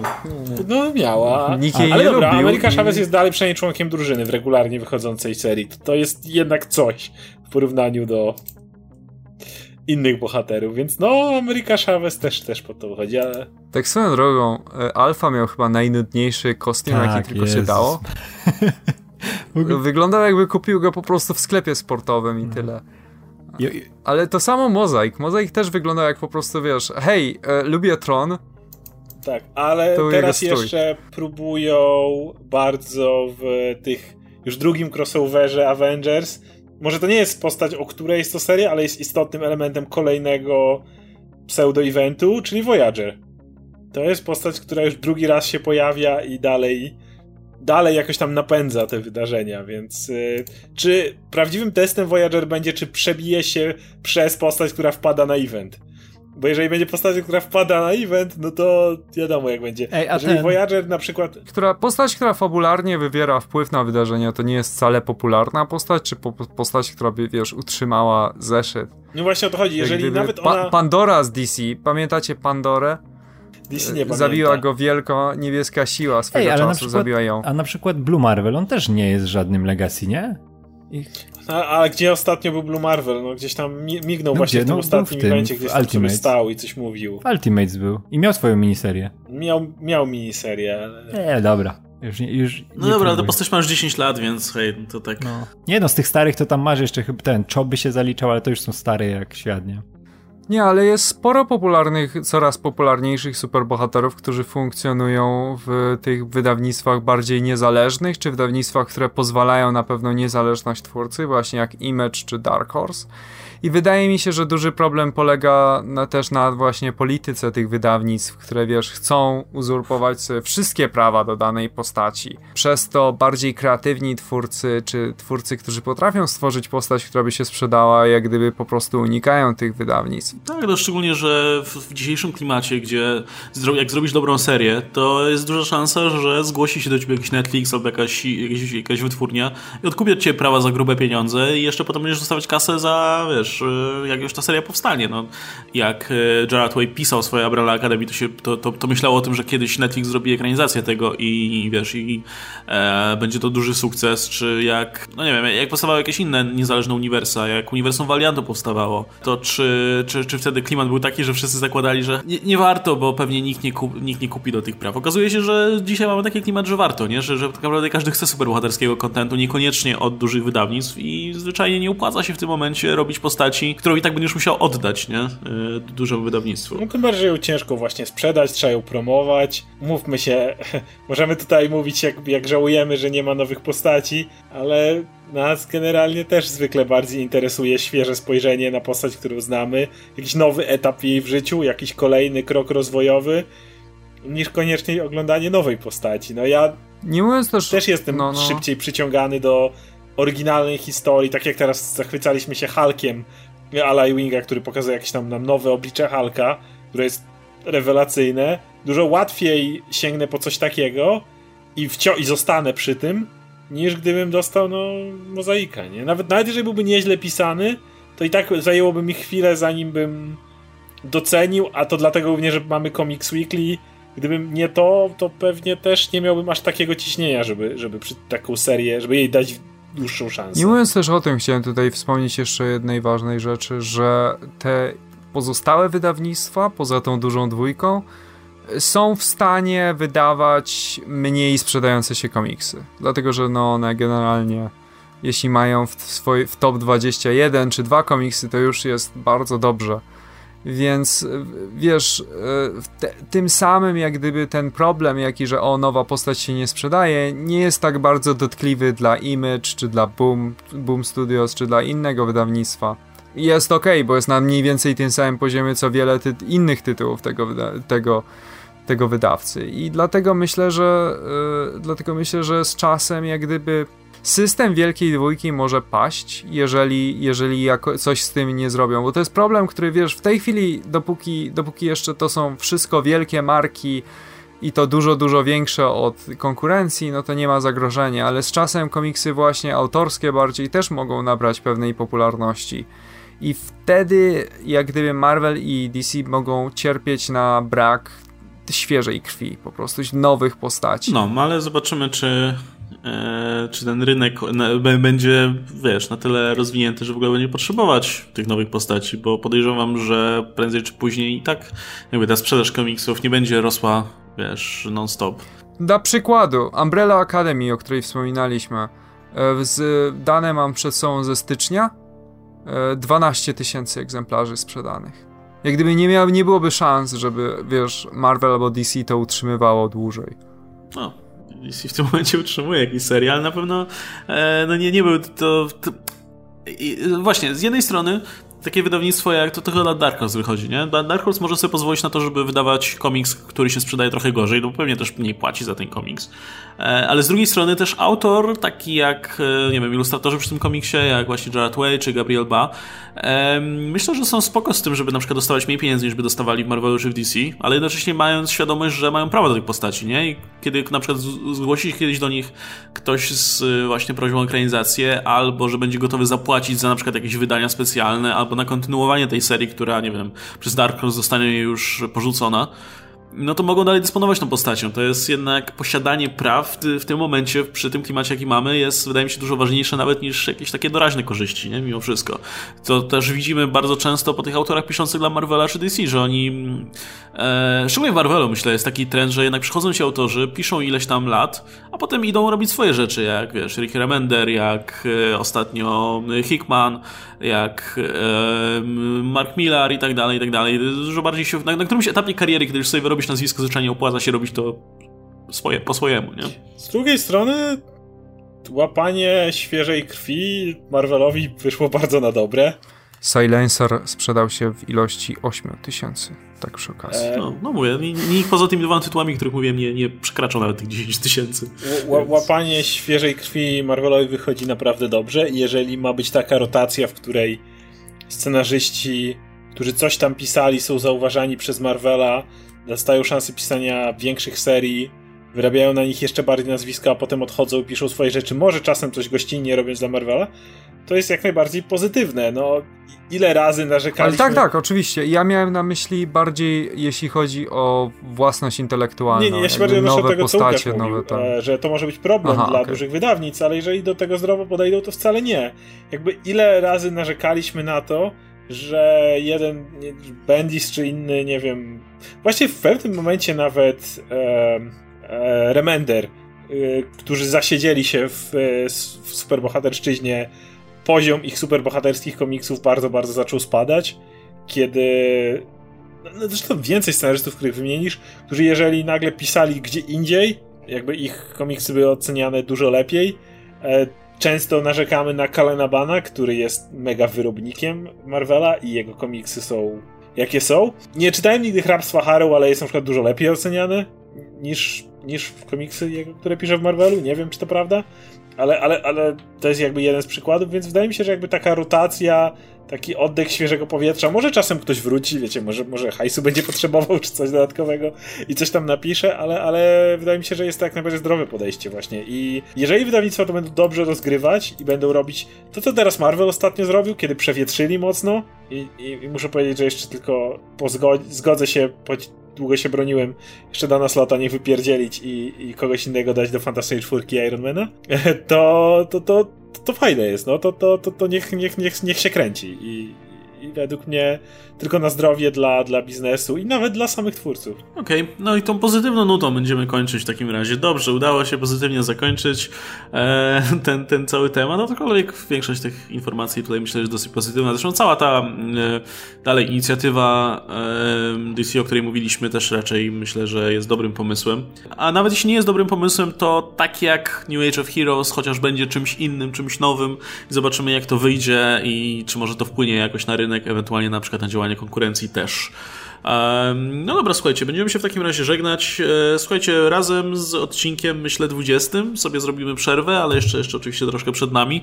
E, także zostało jeszcze parę odcinków, więc dawajcie nam znać, e, o czym jeszcze powinniśmy pomówić, jakie tematy powinniśmy podjąć, jakie serie warto sprawdzić, bo też nie czytamy wszystkiego, ale może omija nas coś naprawdę wybitnego, o czym warto by było wspomnieć. Mm, pewnie na sam koniec sezonu zrobimy sobie jakieś Q&A, więc będziecie mogli też nam tutaj polecić jakieś rzeczy. No, a tymczasem widzimy się oczywiście w kolejnym odcinku. Wybaczcie ponownie jeszcze tą przerwę tydzień temu. Postaramy się już regularnie co tydzień wychodzić. To w sumie tyle. Był oczywiście ze mną Adam Antolski, e, Oskar Rogowski, Radek Pisula, się nazywam Łukasz Stelmach. Znajdziecie nasze linki i wszystko inne w opisie, jeśli chcecie tutaj zapoznać z naszą inną twórczością, nie tylko komiksową. Natomiast Comics Weekly oczywiście przepisowo i standardowo pojawi się e, w, na Spotify, w wszystkich aplikacjach podcastowych i na YouTubie e, za tydzień. A tymczasem do zobaczenia, trzymajcie się, cześć.